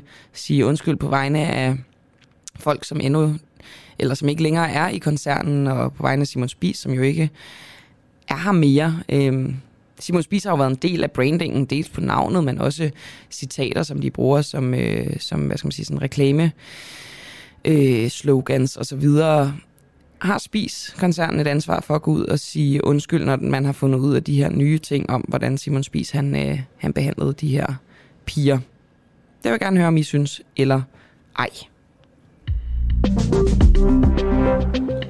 Nu vender vi tilbage til øh, Vækstfonden og øh, deres formand, Tue Mantoni. Øh, og de sådan øh, dobbelt interesser, han øh, kan have i sit virke og hvad nærmere, hvad de negative konsekvenser af de her dobbeltroller kan være. Fordi det som sagt var i fredags, at vi kunne afsløre, at Tuman Toni, formanden for Vækstfonden, har økonomiske interesser i en flere virksomheder, som Vækstfonden har givet millionlån til. Og nu understreger jeg lige igen, at det her er jo interessant, fordi Vækstfonden er en statslig investeringsfond. Altså statens penge. Og jeg øh, giver lige den her tidslinje igen, som jeg også gjorde tidligere. I 2017 investerer Tue Mantoni i Soundbox og bliver næstformand i Soundbox bestyrelse. I 2018 bliver han medlem af Vækstfondens bestyrelse, og i 2019 smider Vækstfonden 15 millioner efter Soundbox. Og det vi så har fundet ud af, det er, at i 2020 bliver Tue Mantoni formand for Vækstfonden, og i 2022 der låner Vækstfonden så yderligere 25,6 millioner til Soundbox. Og det skal vi tale mere om, men jeg har lige fået en sms, altså vedrørende Tuman og Vækstfonden. Det er Ulrik, der skriver, at Vækstfonden har brug for folk som Tue, der kender til området.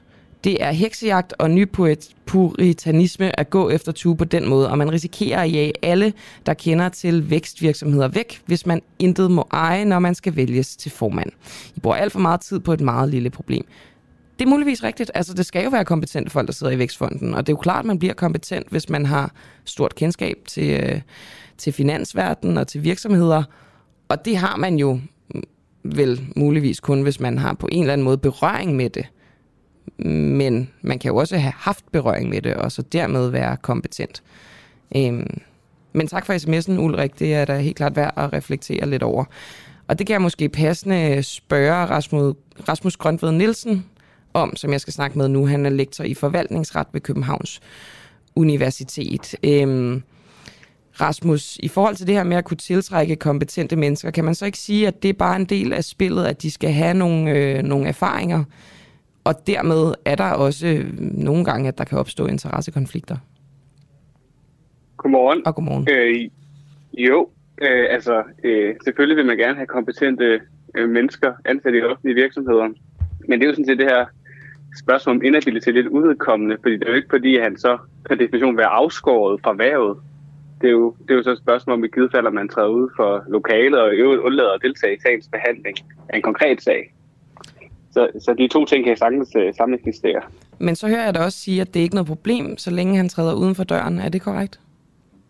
Altså, det er en lille smule kompliceret, fordi du siger rigtigt, at, at uh, Vækstfonden jo er en statslig organisation, men Vækstfonden er det, øh, man kalder en selvstændig offentlig virksomhed, som er noget, som man har fundet på sådan relativt for nylig, og det indebærer, at Vækstfonden er lidt en hybrid mellem en forvaltningsmyndighed og et selskab. Og det betyder også, at man ikke sådan kan behandle Vækstfonden på samme måde, som man behandler en hver anden offentlig myndighed. Øh, der står blandt andet i, i lov om Vækstfonden, af forvaltningsloven ikke finder anvendelse på, på Vækstfondens virksomhed. Og det er jo der, vi faktisk har inhabilitetsreglerne.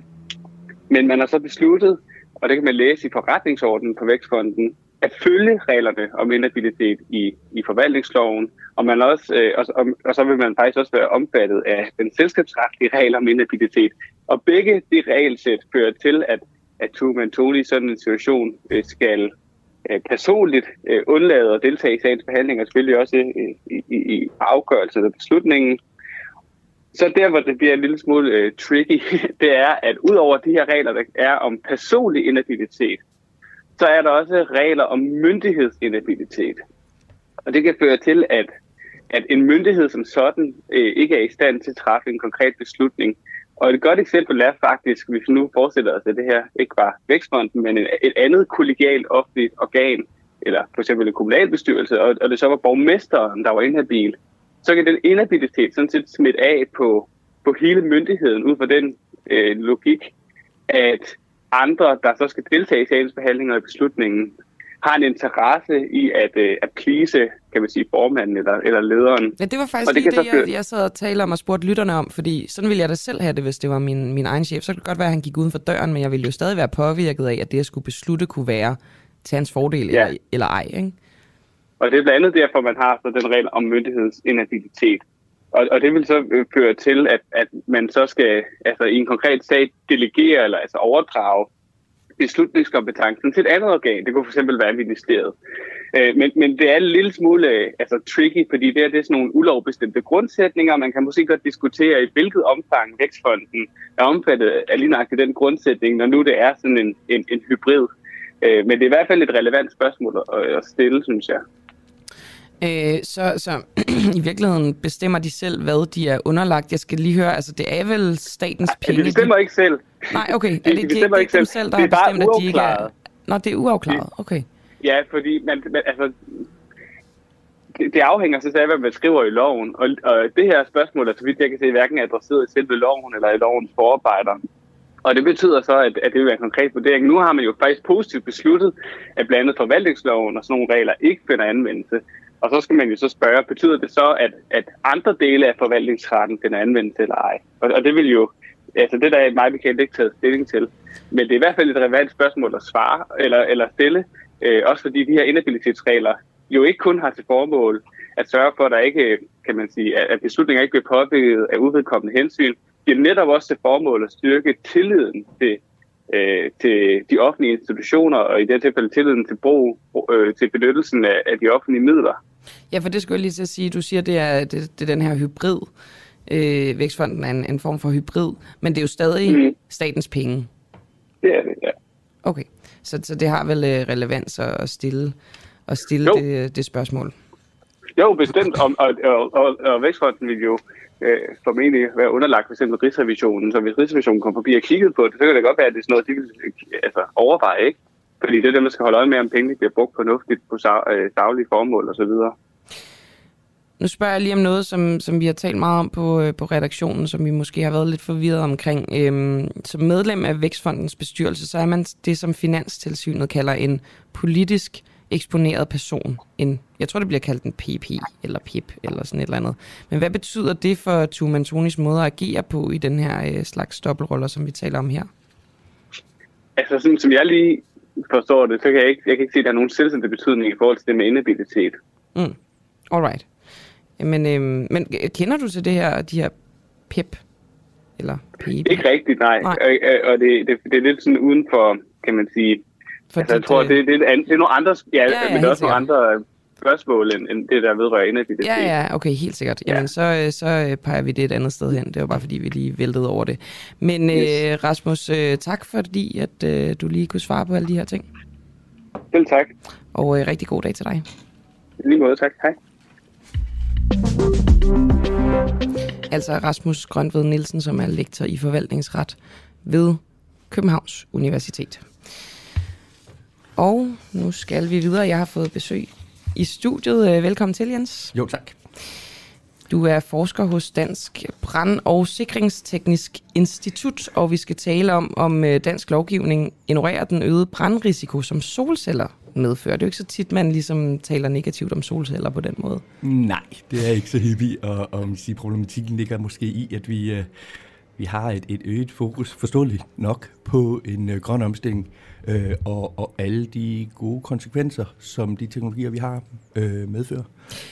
Men der er jo så ny forskning, der viser, at en brand den kan brede sig ret voldsomt under øh, tagmonterede solceller, selvom tagkonstruktionerne overholder alle de brandkrav, som der er.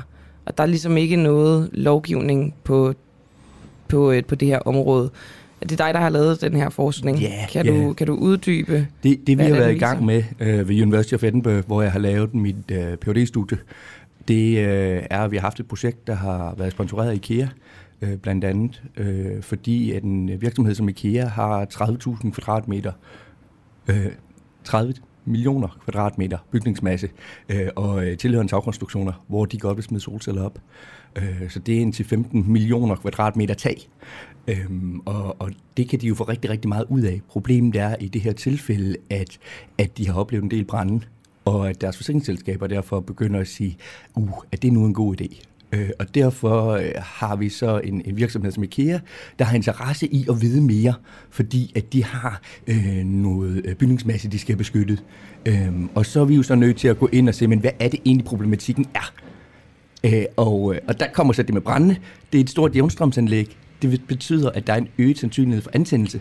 Men det jeg så har kigget på, er, når antændelsen sker, så har du egentlig et, et, et hulrum mellem øh, den flade eksisterende tagkonstruktion hos øh, det eksisterende byggeri, og så det her solcellemodul, som egentlig ikke er brandbart, fordi det består jo hovedsageligt af glas og aluminium, men, men en, flammerne fra en indledende øh, brand, de afbøjes under panelet, og dermed øger du strålingen til tagkonstruktionen, så du får simpelthen mere varme, og dermed frigiver du flere gasser, der kan brænde.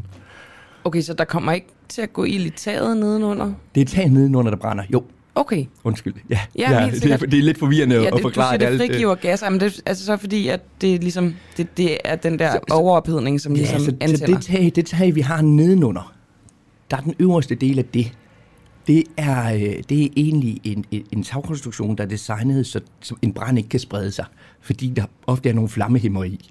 Øhm, men i og med, at du så øger mængden af varme til taget, fordi du afbøjer flammerne, så kan du lige pludselig frigive en højere koncentration af brandbare gasser, og dem kan vi så få antændt. Fordi at du skal have en vis koncentration for egentlig at kunne antænde det.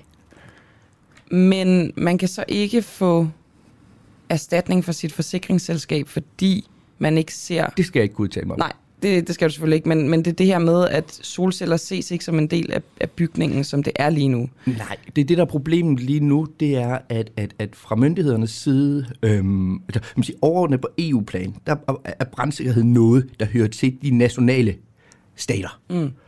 Og de skal så lave regler i forhold til brandsikkerhed. Og der er ikke noget fra Planer- og Byggestyrelsen, mener jeg det er, de hedder. Øh, der er ikke noget krav, øh, fordi at de her bygningsmonterede solceller, de ikke er en del af byggeriet. Og når det er det, så er det fordi solcelleinstallationer af byggeriet deles op i, i to grupper. Der er bygningsintegrerede solceller. Det er dem, der er en del af facaden eller, eller indbygget i taget. Og så er der bygningspåmonterede solceller. Det er dem, hvor du har en eksisterende bygning, og så kommer du med din solcelleinstallation og putter ovenpå. Og i og med, at du putter dem ovenpå, så kan du have en eksisterende bygning, der er godkendt i forhold til brandsikkerhed, og hvor man ikke skal tage hensyn til brandsikkerhed, når du kommer og, og retrofitter eller efterinstallerer dine, øh, din solceller. Men det, du har fundet ud af, det er så, at øh, man, altså, det kan jo ikke skilles ad, hvis det, du siger, er, at det er solcellerne, der ligesom kan sætte... Juridisk kan det skilles ad, ja, øh, men, men, men fra konkret... et brand, brand, brandmæssigt synspunkt, nej. Okay. Øhm, så, så det her er i virkeligheden jo, altså det er jo ikke kun et forsikringsspørgsmål, det er måske også et, altså et sikkerhedsspørgsmål. Det er 100% et sikkerhedsspørgsmål, og det er jo også derfor, at forsikringsselskaberne i det her tilfælde, og det er også vigtigt at sige for almindelige husejere, der er det ikke en stor problematik. Det er de store anlæg, hvor der er mange komponenter, og dermed større sandsynlighed for fejl, at det er et problem. Øhm, det, er, det er et sikkerhedsmæssigt større, større spørgsmål. Øh, og, Bare rolig, jeg har også klodset jorden hele morgenen. Det er lytterne vant til. Bare rolig. Det er, et, øh, det er et, et, et sikkerhedsmæssigt spørgsmål. Det er måske ikke et spørgsmål om liv og død, men det er et sikkerhedsmæssigt spørgsmål i forhold til øhm, de værdier, du har i dit byggeri. Ja, men jeg skal til at sige IKEA for eksempel. Ja. Det er jo store bygninger, man skulle man må antage, at de har IKEA er øhm, værdifuldt øh, i forhold til Beredskabsstyrelsen exceptionelt dygtige til evakuering af mennesker. Øhm, man kan sige, at værdierne er jo ikke så vigtige i tilfælde af en brand i forhold til menneskeliv. Men, ikke, men, men, men værdierne, ikke værdierne er jo store, og så kan man også stille spørgsmål, hvor er du har de solceller, fordi er de solceller på et centrallager, og det lige pludselig er der, du har en brand, så er spørgsmålet, hvad gør man i tilfælde af brand? Fordi det vi jo så har fundet ud af, det er, at, at branden spreder sig horisontalt, det vil sige på den øverste del af taget. Mm-hmm. Og det vi gerne vil undgå, det er, at den spreder sig vertikalt. Det vil sige fra den øvre, altså fra taget og ned i bygningen. Fordi at så har vi et reelt problem. Hvis den bare er oppe på taget. Bare i gåsøjne. Ja, ja, ja. Men, men så skidt pyt igen i gåsøjne. Hvis vi ved, at den passive brandsikring er god nok til, at den ikke spreder sig vertikalt, altså ned i bygningen. Fordi hvis først den spreder sig ned i bygningen, så har vi et reelt problem. Men hvad med sådan noget med, kan det ikke gøre, altså hvis der er brand i et tag, at det falder ned, for eksempel? Uh, det, det er ikke i det her tilfælde. Altså fordi hvis, hvis det kun er den øverste del af taget, det vil sige uh, tagmembranen, uh, worst case, uh, tagpap, så vil det nok blive lidt slemmere. Uh, men men så, er det, så er det ikke så slemt. Rent strukturelt er det ikke et, et, et problem. Der, der er uh, man sige, brandlasten i taget ikke så stor.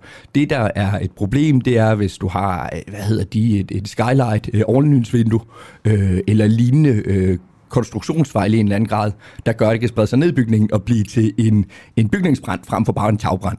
Øh, der problematikken så ligger efterfølgende. Det er, når du har den tagbrand, hvad gør du så? Fordi normalt vil vi jo gerne have beredskabet kommer og, og, og, og slukker tagbranden. Men hvad er konsekvenserne, hvis, hvis det vi vejer op mod hinanden, det er det ene, det er bare en tagbrand, hvor, lad os sige, halvdelen af de tag brænder ud. Det koster måske nogle millioner. Det andet er en knap så stor tagbrand, men hvor at det hele er at pjaske ind i vand, inklusiv din bygningsmasse nedenunder. Fordi så står du jo lige pludselig med en, et halvt varehus, der har vandskade. Eller et halvt centrallager, der har vandskade. Og, og det er jo væsentligt dyrere på lang sigt, at du er nødt til at have din butik lukket, øh, og dermed miste omsætningen. Kan det lade sig gøre at, at lave noget, som kan kan øge sikkerheden på det her, altså så det ikke kan ske? Vi arbejder på det. Vi arbejder på det. Man kan sige, det vi, det, vi, det vi nu har gjort, øh, det er, at vi har identificeret problematikken, øhm, og, og identificeret, hvor øh, i det, der hedder branddynamikken, altså simpelthen, er, er det geometrien, er det materialerne, øh, hvor, hvor er det problematikken ligger. Øh, så nu har vi nogle faktorer, vi har forståelse for, øh, eller nogle parametre, og, og når vi har de parametre, så ved vi, hvad er det egentlig for nogle parametre, vi kan, kan justere på for at gøre det mere sikkert. Mm. Og, og, og nu er, er min opgave, det er måske at få, få råbt lidt højt, øh, eller få gjort opmærksom på problematikken, øh, så, så vi kan fortsætte med at, at lave lidt forskning, og så vi forhåbentlig øh, kan, kan have noget regelværk på plads, inden at at hele den her implementering, som EU har i gang med nu med, med en kunstig acceleration øh, af øh, solcelleproduktionen øh, øh, i kraft af Ukraine, øh, eller krigen mm, i Ukraine. Ja, masser af nye øh, solceller. Ja. ja, ja, og det er jo, altså, og, og, og, og man må ikke misforstå mig, når jeg sidder her og kommer med en kritik. Jeg holder rigtig, rigtig, rigtig meget af solceller. Ja, det er vel derfor, du laver det der. Ja, og, og det er jo også fordi, at, at, at, at, at, at solcellebranchen har svært ved at forstå det. Nå, okay. Jeg er på deres side. Er de blevet sure over det her? Ja, ja, ja, ja. De vil helst ikke arbejde med mig. Nå, okay, øhm, okay. fordi at jeg er grund og grund i gang med at ødelægge deres business ved at sige, at der er en brand.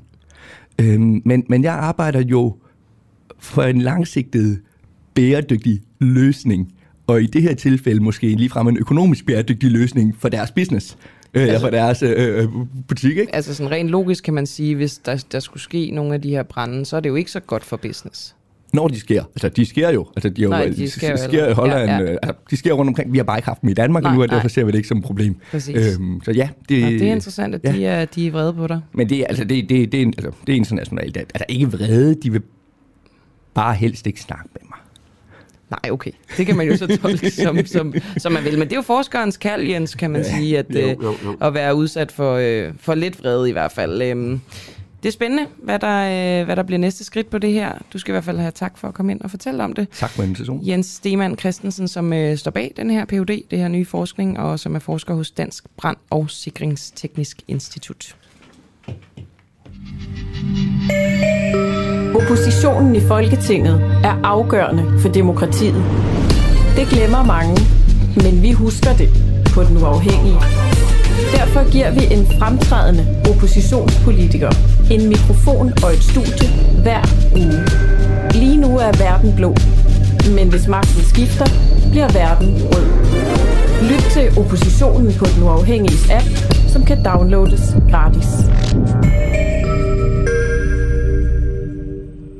Så vidt jeg er orienteret, der øh, genopstår programmet Oppositionen øh, om meget kort tid. Vi har i hvert fald en, øh, en ny vært på beding, som er dygtig. Nu skal jeg tale med indrigs- og boligministeren, altså for regeringen fra Socialdemokratiet, Christian Rabia Madsen. Og vi skal tale om, om regeringens nye forslag om et midlertidigt loft over huslejestigninger bryder loven.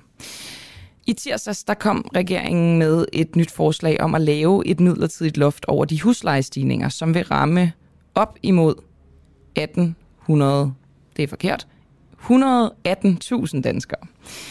Det skal sikre, at øh, huslejepriserne ikke stikker af som følge af den her historisk høje inflation, som vi øh, hører så meget om.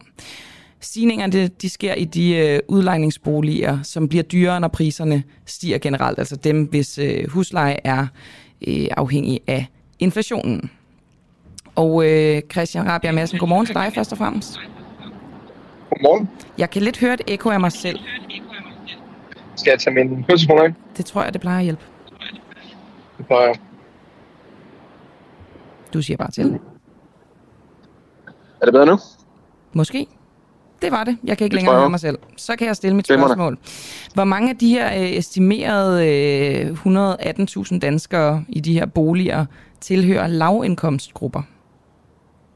Det kan jeg ikke give noget øh, præcist svar på. Øh, det er heller ikke helt 118.000. Jeg tror, det tal, vi opererer med i, i ministeriet, er 160.000, og jeg tror, lejeorganisationerne opererer med 180.000.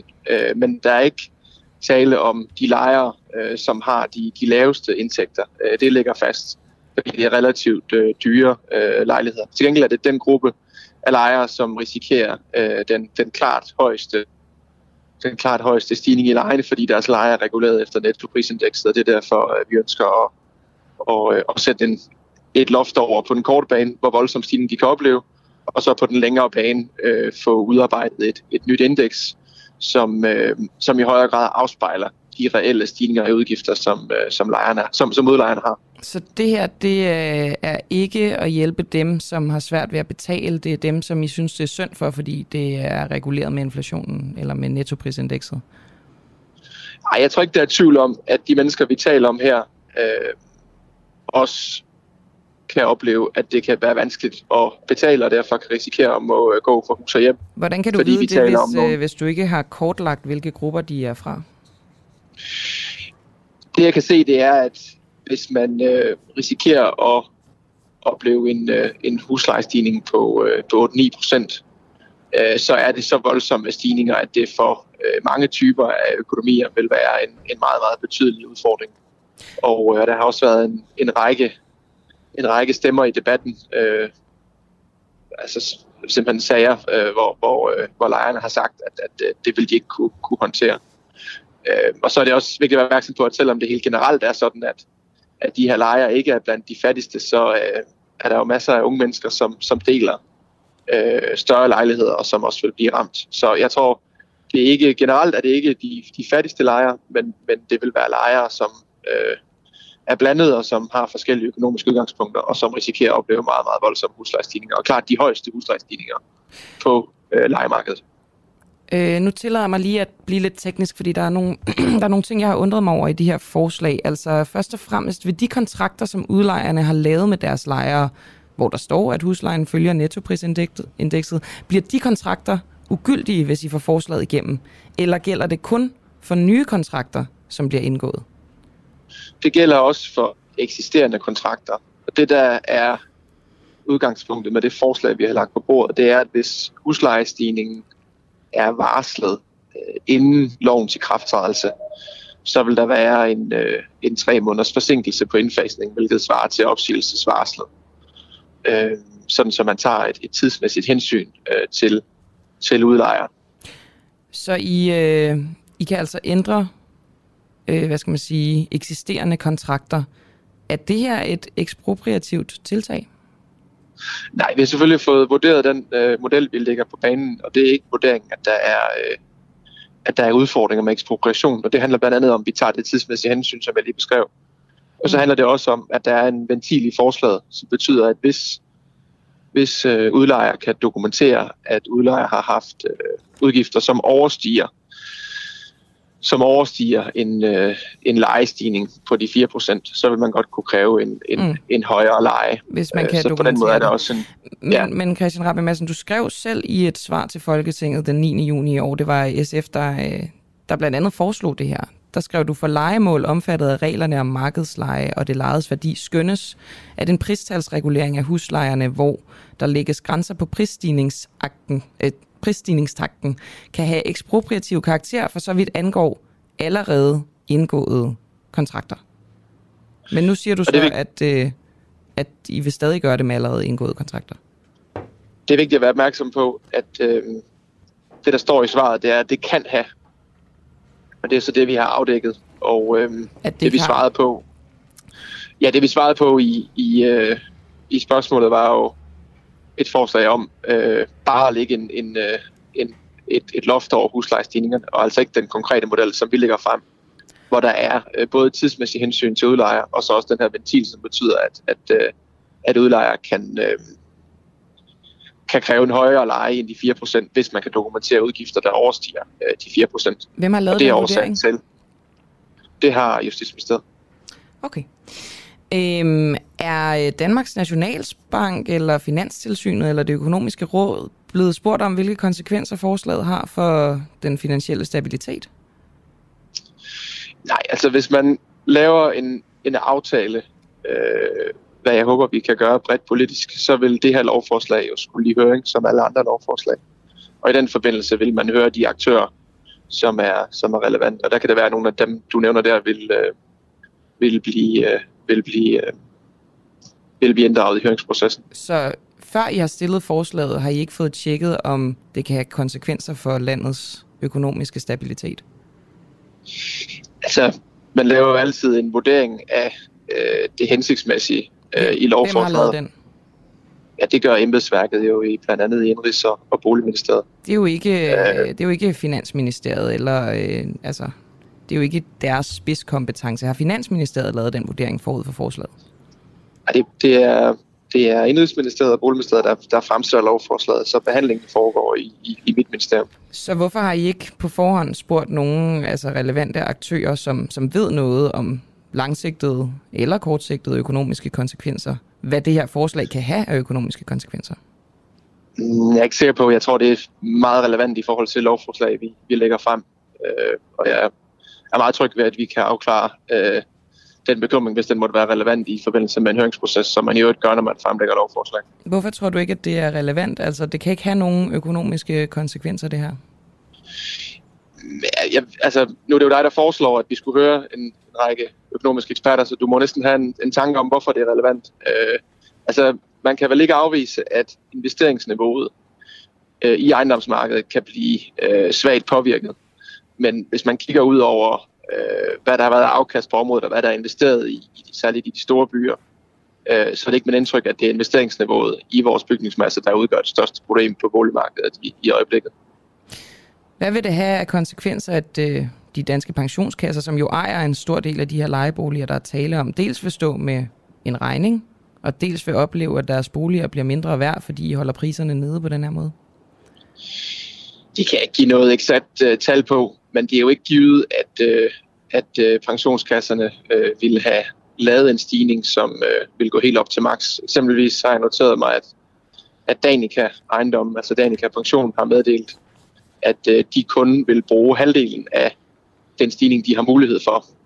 Det sender jo signal om, at de store investorer øh, ikke øh, går til max af den lejestigning, de vil kunne, de vil kunne, øh, de vil kunne indkræve i forhold til reglerne.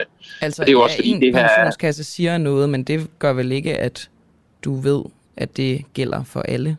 Eller ville være gældende det er jo- for alle? Så nu, nu, det her forslag holder jo priserne kunstigt nede. Så hvordan ved du, at de ikke vil stå med en regning? Og hvordan ved du, at deres boliger ikke bliver mindre værd, fordi I holder priserne nede? Jamen det, det kan jeg heller ikke sige noget eksakt om. Øh, Jeg, jeg siger bare, at hvis jeg kigger på, hvordan markedet har ageret, øh, så har jeg noteret mig, at at Danica Ejendom, at Danica Pension har ageret på den her måde.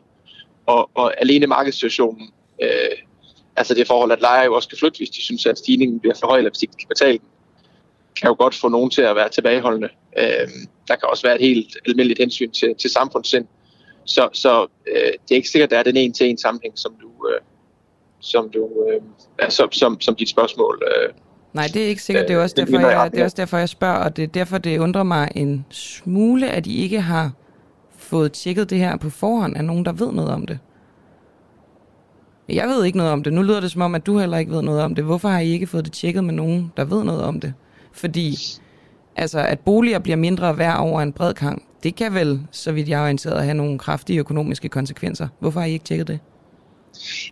Altså, vi, vi laver jo en, en bred vurdering af, af de lovforslag, vi, vi, øh, vi foreslår. Øh, og dermed har vi selvfølgelig også øh, haft drøftelser om det her spørgsmål. Øh, men men det, er ikke min, det er ikke øh, min umiddelbare vurdering, at det vil have så voldsomme konsekvenser, som... som øh, Men som, er du økonom, Christian Rabia Madsen? Øh, nej, jeg er jo politiker, og derfor træffer jeg politiske beslutninger. Det her er den grad politisk beslutning. Men hvad kan vi så bruge din vurdering til, når det gælder langsigtede eller kortsigtede økonomiske konsekvenser? vi har jo heldigvis et land, som, som styres af, af lægemænd og politikere, som man vælger til at, at træffe beslutninger. Hvor mange Og, øh, økonomer jeg har udarbejdet egentlig, at- det her forslag? Hvor mange økonomer har vurderet konsekvenser? Ja, altså, hvad, hvad, er der sjovt ved det egentlig? Jamen, jeg synes, at, øh, at, at jeg, jeg tror bare, at vi får et bedre land, hvis der bliver truffet politiske beslutninger af, af folkevalgte, som har et, et, et mandat til det. Og så har vi jo ansat øh, gode embedsfolk i administrationen med både skændbol-baggrund og økonom-baggrund, som, som laver vurderinger af, af lovforslaget. Og så har man i øvrigt, når man fremfører lovforslag, mulighed for at sende i høring, og vi selvfølgelig vil gøre, hvor man så kan få en mere fagspecifik og, og jo også øh, en høringsmulighed for, for de forskellige parter. Og det er egentlig en model, jeg er relativt tryg ved, for det betyder, at man får input, øh, inden man skal stemme om det i Folketinget. Men hvorfor har I ikke lavet en faglig vurdering af et forslag, I stiller? For det lyder jo rigtig godt. Der er mange mennesker, der bliver rigtig glade. Hvis det i praksis vil have økonomiske konsekvenser, hvorfor har I ikke fået den vurdering på forhånd? Ja, vi, vi har jo lavet vurderinger, men det du spørger til, det er, om jeg kan give nogle eksakte tal øh, på, hvad det vil have økonomiske konsekvenser for en række aktører. Det, det kan jeg ikke. Men har I lavet den? Er der lavet en Altså, faglig man laver- vurdering på, på de langsigtede økonomiske konsekvenser? Potentielle udfald af det her? Man, man laver øh, overordnede vurderinger af, om man tror, at det her vil have voldsomme konsekvenser. Øh, Hvad for, betyder en overordnet vurdering? Er det sådan en løs betyder, en, man eller laver- er det konkrete beregninger, eller hvad, hvor er vi henne? Det, det betyder, at man laver, man laver en vurdering af, øh, hvad, der er, hvad der er positive og, og negative øh, konsekvenser ved et, øh, et, øh, et, et forslag. Og så når man har lavet en aftale, en politisk aftale, og i øvrigt i den forhandling, vi står i nu, vil man jo have mulighed for at udbore øh, forskellige økonomiske konsekvenser øh, og, og komme tættere på, øh, hvad det vil have positive og negative øh, konsekvenser. Og det er, jo, det er jo helt almindeligt, at, at man laver et, altså at man fremsætter et øh, forslag, og at man så i forbindelse med en forhandling øh, får mulighed for at gå endnu tættere på øh, forslaget, også på den økonomiske side. Når man så har en aftale, hvis man kan få det, øh, det håber jeg, jeg tror det vil være fornuftigt, øh, så vil man sende et forslag i høring, øh, hvor der så er mulighed for at få input fra forskellige øh, aktører. Det følger den måde, vi laver lovgivning på i Danmark, og det synes jeg er øh, på alle måder fornuftigt og, og seriøst, og giver mulighed for, at man kan belyse forskellige elementer af, af øh, lovforslag.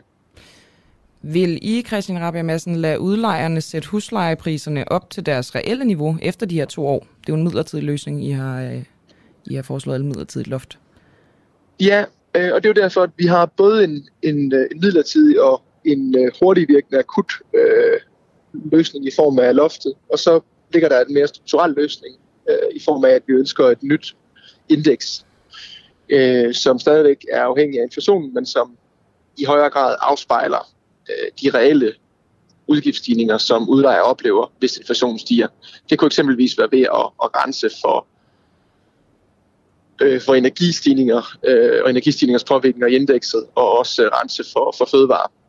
Øh, særligt fordi, at øh, hvad angår energi, så betaler lejerne jo ved siden af deres husleje for, for energi. Og derfor har vi en situation i dag, hvor man risikerer at betale for en energistigning øh, to gange. Så den langsigtede løsning er et, et nyt og mere afbalanceret indeks. Men hvis vi nu siger, at inflationen ikke falder, så vil der jo stadig være, altså I har sat loftet ved 4%, at det, det er det maks må følge.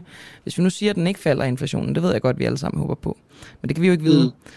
så er der alligevel et ret stort spring efter de to år til den reelle husleje, hvis vi nu siger, at inflationen har ramt 10% i forhold til de 4%. Men er det så bare det? Altså, så kan man så vente sig efter de to år, at huslejen den springer. Det må være lidt et chok for sådan en udlejer, eller en lejer. Jeg, tror ikke, det er det mest sandsynlige scenarie, men, men, øh, men det er jo derfor, jeg siger, at, at det vil være en fordel så at få et nyt indeks, som, som afspejler mere reelt, hvad udlejers øh, udgifter øh, til det enkelte legemål er. Så vi kun gennemføre det her forslag, hvis I også får øh, indekset med? Det nye indeks? vi, vi har foreslået øh, det her samlet, og jeg tror, det vil være mest fornuftigt at, at gennemføre samlet. Og det må vi så tage, tage i en, en forhandling. Jeg skal bare lige øh, være helt sikker på det her, som, øh, som vi snakkede om før. Det her forslag, du siger, det er udarbejdet af dine embedsmænd, men hvor mange økonomer har der siddet i blandt? Jeg, jeg kender ikke uddannelsesbaggrunden for, for alle mine øh, dygtige embedsfolk, men det er, det er meget, meget kompetente folk, som jeg er fuldstændig tryg, tryg ved. Så det her forslag, som i høj grad har indflydelse på økonomien, der ved du ikke, hvor mange økonomer, der har været med til at udarbejde det? Jeg, jeg tror ikke, der findes nogen minister, som i et uh, morgenradio vil kunne svare på, hvor mange økonomer de har ansat i deres ministerium. Det kan jeg heller ikke. Og heller ikke på det her konkrete forslag? Altså, det vil jo kræve, at jeg kender uddannelsesbaggrunden på, på alle de embedsfolk, som har arbejdet for det. det. Det gør jeg jo i sagens natur ikke. Okay. Men du siger, der ligger en faglig vurdering til baggrund for det her? Ja, ja det gør der. Okay, jamen så må vi jo bare kigge ind i den. Jeg vil heller ikke kræve af dig, at du, øh, du kender alle dine ansattes uddannelsesbaggrund på den måde. Det, øh, det ser vi videre på, Christian Rabia Madsen. Jeg tror, at det var det. Tak for at snakke. Selv tak. Hej igen. Ja. Jeg synes, det er spændende det her med et lovforslag, som ikke har øh, altså haft andre instanser end lige det ministerie, det er blevet udarbejdet i, til at kigge på altså noget så voldsomt som økonomiske konsekvenser. Vi er ude at lege med inflation og boligpriser, og de, det er sådan nogle store ting, det her. Øhm, jeg synes, det er spændende at kigge på de faglige grundlag for sådan nogle forslag, fordi det her forslag jo også kommer i optakten til en valgkamp. Og dermed øh, skal man måske passe på, at det ikke er varm luft, der flyder ud, og at forslagene er gennemarbejdet. Altså måske er det endnu vigtigere end nogensinde, at vi tjekker de ting, som politikerne siger lige nu. Tjekker, om der er hold i det, tjekker, om der er fagligt grundlag for det. Nu skal jeg tale med øh, Jakob Engel Schmidt, øh, medlem af øh, Moderaterne, og øh, det er jo spændende, fordi at Moderaterne i weekenden kom, øh, kom ud, at de holdt sommergruppemøde, og der har de så endelig afsløret, hvordan de vil finansiere nogle af de mange forslag, som Moderaterne de har, øh, har udarbejdet. Øh, Lars Løkke han luftede blandt andet nogle af deres idéer til, hvordan de vil gøre Danmark 1, nej, 21,3 milliarder kroner rigere i 2030. Og det skal jeg snakke med Jakob Engelsmidt om nu. Godmorgen, Jakob. Godmorgen, Jeg har og lyst tak til at kalde dig fast inventar i denne her morgenradio, men øhm, det er jo bare fordi, I siger spændende ting. Jamen, og vi det sætter jeg pris på, svar på og- det hele. Vi har jo jagtet lidt det her med jeres økonomiske politik, og I har ligesom holdt os ud i strakt arm. Det kommer, det kommer, det kommer. Og nu kom det så. Ja, altså, vi, vi er jo øh, en meget lille organisation, så vi har jo heldigvis øh, fået, fået mange gode forslag fra både medlemmer, økonomer og andre folk, der er med i det politiske mødested, som jo er, er grundlag for Moderaterne. Og så har vi selvfølgelig også talt med, med de store tænketanke herhjemme og, og, og købt os til lidt regnehjælp, sådan, så vi er sikre på, at tallene passer. Og lad mig det, vi lige har blive gjort der. her. Ja, ja, det vil jeg nemlig gerne lige blive ved, altså de her tænketanke. Øhm, hvem er det, der har hjulpet jer med at udarbejde den økonomiske plan? Jamen, vi har jo selv fundet ud af, hvad vi gerne vil mene. Altså, andet vil jo være helt håbløst. Og så har vi så øhm, fået Kraker til at hjælpe med at, at, at regne på det, sådan så vi er sikre på, at tallene passer. Når man interesserer sig for, for nationaløkonomi, så øhm, og laver økonomiske planer, så går man som regel op i, altså, hvad indeholder selve forslaget, i hvilken periode skal det virke, hvad koster det, øhm, hvad betyder det for det, man kalder arbejdsudbuddet, altså hvor mange sæt hænder skaber det ude på arbejdsmarkedet, Øhm, hvad koster det? Enten positivt eller negativt. Altså hvad er provenyet, kalder man det? Samt hvad er bidraget til, til landets BNP, bruttonationalprodukt, altså den samlede værdiskabelse i landet. Og det vi er gået efter, øh, det er øh, en række forslag, som vi samler i en, en samlet reformpakke øh, med en, en, øh, en regneeffekt i det, man kalder 2030. Det er også til alle de andre partier gør. Her i weekenden har vi så fremlagt øh, tre konkrete forslag, ligesom øh, Lars i går i det program, der hedder Libert, øh, indikerede en, en række flere forslag. 1. september fremlægger vi så den samlede plan. Så de tre forslag, vi, vi, øh, vi fremlægger i weekenden, det ene handler om, at vi ønsker at, øh, at fjerne en del af den selskabs- og virksomhedsstøtte, der bliver givet i Danmark. Den er mere end fordoblet på 10 år, og vi bruger mere end 40 milliarder kroner af danskernes penge på at give det, man kalder direkte og indirekte tilskud til erhvervslivet. Vores forslag går ud på, at hvis vi kan øh, sænke en del af de her erhvervsstøtteordninger, vil vi også gerne sænke selskabsskatten. Og sagen er, at erhvervsstøtteordninger går som regel enten til specifikke brancher eller specifikke områder, hvor de politikere, der bor der, har været rigtig gode til at forhandle bacon hjem til deres pastorat. Øhm, og en lavere selskabsskat, som erhvervslivet, dansk industri og dansk erhverv og andre også er ude at sige som respons på vores forslag, vil faktisk være enormt vækstskabende. Det koster så ikke her fra Danmark noget, fordi de penge, man, man fjerner i erhvervsstøtte, fjerner vi så tilsvarende i, i selskabsskatten. Og vores ambition er, at den kommer ned på omkring 15 procent, og det vil koste 12 milliarder kroner. Øhm, Kan du og snakke en det vil også lang- langsommere, Jacob Engelsmidt? Det er bare øh, Ja. tal i radioen, tal på lyd. Det kan godt Ja, sådan, der skal lige have det lidt men- langsommere. Du, er sådan, du taler altid meget hurtigt. Jeg tror, det vil være en fordel for det er lytterne. desværre en, en medfødt fejl. Jeg skal prøve at gøre det igen meget stille og roligt. Vores første forslag går ud på at sænke selskabsstøtten. Den bliver givet... Øh, Selskabsskatten, ikke? Nej, vi vil gerne Støtten. sænke selskabsstøtten, altså erhvervsstøtten til, til danske Ja. ja. virksomheder. Og det vil vi gerne gøre på en måde, hvor vi beder erhvervslivet, øh, store organisationer om at øh, nedsætte et udvalg af erhvervsfolk, der sammen skal pege på, hvor er det, man kan skære i erhvervsstøtten. Vi giver næsten, øh, eller vi giver over 40 milliarder kroner i erhvervsstøtte i Danmark om året. Det beløb er fordoblet på på 10 år, altså fra 20 milliarder. Ideen er så, at hver gang de her erhvervsfolk peger på besparelser i erhvervsstøtte, vil vi gerne sænke selskabsskatten tilsvarende. Vores ambition er at få selskabsskatten ned på 15 procent, Mm. og det kræver, at de her gode erhvervsfolk kan finde øhm, besparelser i selskabs- og erhvervsstøtten på omkring 12 milliarder kroner. Så okay, passer pengene. det er så den her øh, gruppe, som I vil nedsætte, der ligesom skal finde ud af, hvor kan man skære i de her støtter forskellige Ja, steder. og- det er jo noget, og når du- Erhvervsministeriet allerede har nedsat, så hvad er det, der Nej, er så det er øh, det ikke. Jamen, det er ambitionen, det er målsætningen, og det er metoden. Jeg kan fortælle, at Krakas øh, regnemaskine fortæller, at øh, finder man de her 12 milliarder kroner, vil det give et arbejdsudbud på 2.100 sæt hænder og bidrage til dansk, det danske bruttonationalprodukt i 2030 med over 20 milliarder. Må jeg spørge, er det kun Kraka, der har haft regnmaskinerne fremme her? I det her tilfælde ja, men de har jo brugt de modeller, man i Finansministeriet kalder Adam og Dream. Og det betyder, at øh, hvis man øh, får et medlem af Folketinget til at stille øh, Finansministeriet det samme forslag, altså når man formulerer sådan nogle spørgsmål, så er det sådan meget kancelistbrugsagtigt, men det vil lyde noget i retning af. Finansministeren bedes regne på effekterne af en sænkelse af selskabsskatten fra de nuværende, den nuværende procentsats til, øh, til en procentsats på 15 og indregne en tilsvarende reduktion i erhvervsstøtte så vil Finansministeriet, hvis ellers Kraka har regnet rigtigt, det ved jeg, de har, de har brugt lang tid på det, komme frem til de samme tal, som jeg lige har fremlagt i radioen. Og jeg ved godt, det er håbløst usekset at tale tal, som du selv siger i et radioprogram. Men jeg ved også, at I på den uafhængige går utrolig meget op i saglighed og faglighed, og det er derfor, jeg har tilladt mig at, at tage tallene med. Vi vil også udleveret gerne høre tal. Vi vil bare gerne, bare gerne høre dem i et langsomt tempo. Ja, og vi har selvfølgelig også udleveret alle de her tal til, til de journalister, der, der var til stede på vores pressemøde. Jeg sidder også med og, dem foran mig. Ja, ja, ja, og jeg det, det er også, ikke problematisk altså... på den måde. Øh, det er der jo faktisk ikke noget, der er. Men til gengæld er jeg nysgerrig på, jeg ved godt, jeg bliver ved med at nævne Kraka, men altså på den store, ikke kun på, på det her øh, forslag, men på, på hele den økonomiske plan. Er det stadig kun Kraka, der har regnet på det, eller har jeg også haft andre tænketanke indenover? Altså, der er andre elementer, som, øhm, som vi har været for eksempel fået Cepos til at regne på. Vores SU-forslag, der blev fremlagt senere på året, regnet af Cepos. Men det vi har gjort er, at vi har bedt Kraka om at samle det hele og gennemregne det hele. Sådan så, at, øhm, at vi er sikre på, at tallene passer. Man kan også gå ind på Krakas hjemmeside, hvor de har lavet en lille opdatering i forhold til, til det arbejde, de har lavet for os. Og jeg ved også, at man kan ringe til en af deres cheføkonomer, hvis det er sådan, så man, man gerne vil stille dybere og mere komplicerede spørgsmål. Er jeres politik blå, Jakob Engelsmidt? Vores politik er fornuftig. Er den blå?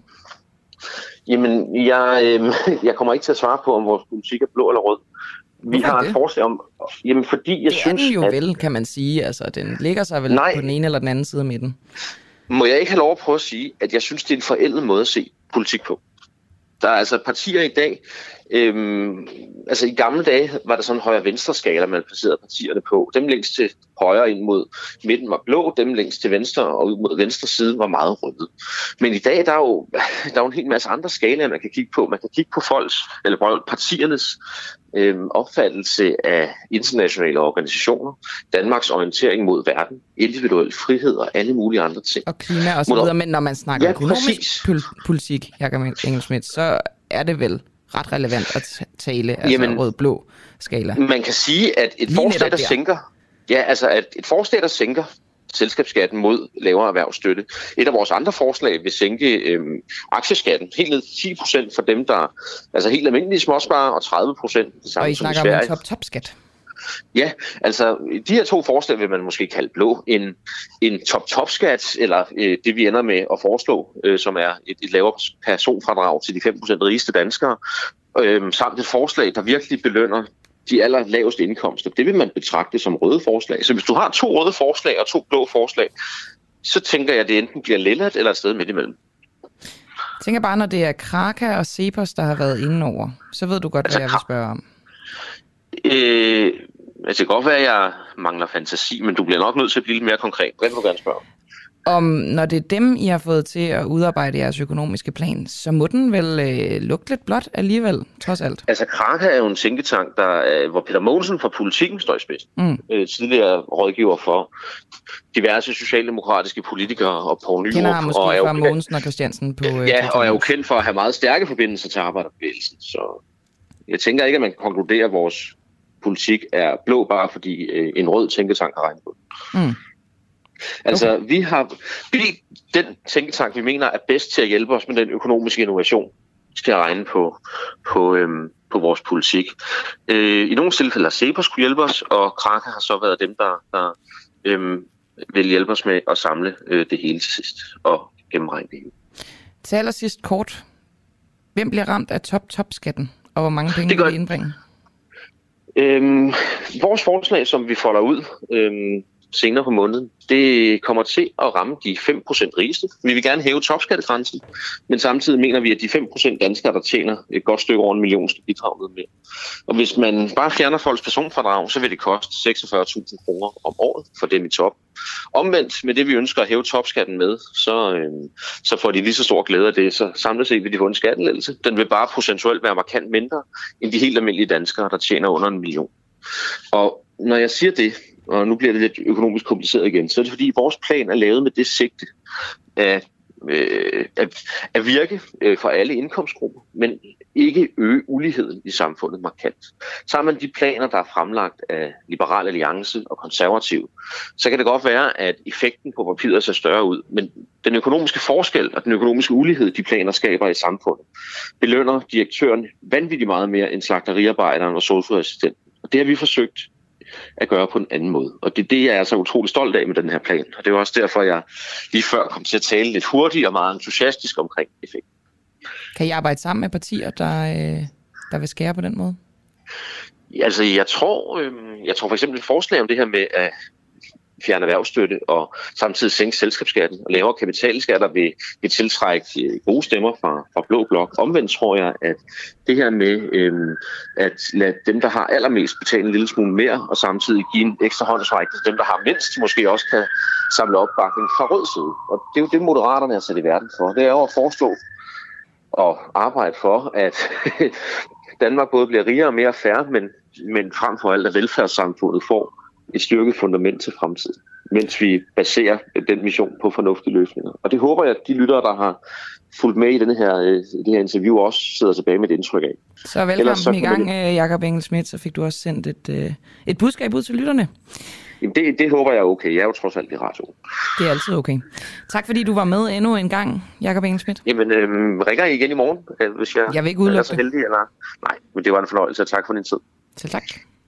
Det er godt. Hej igen. igen. Således altså Jakob Engel Schmidt, og øh, således også denne morgen, mandag morgen, den 22. august, som er øh, ved at være slut for i hvert fald den her live-radiosendings vedkommende. Vi er tilbage igen i morgen. Der er det Asger Jul, som, øh, som sender, og øh, det har været Camille Boracchi, som har sendt denne her morgen, hvor at man altid skal sidde og padle lidt til aller, aller sidst, inden man sætter den her jingle på som øh, indikerer afslutningen på morgens program. Der øh, var sat sammen af Peter Svarts Nielsen i regien, har Oliver Nubbenauer og Clara Vind siddet. Vi lyttes ved i morgen.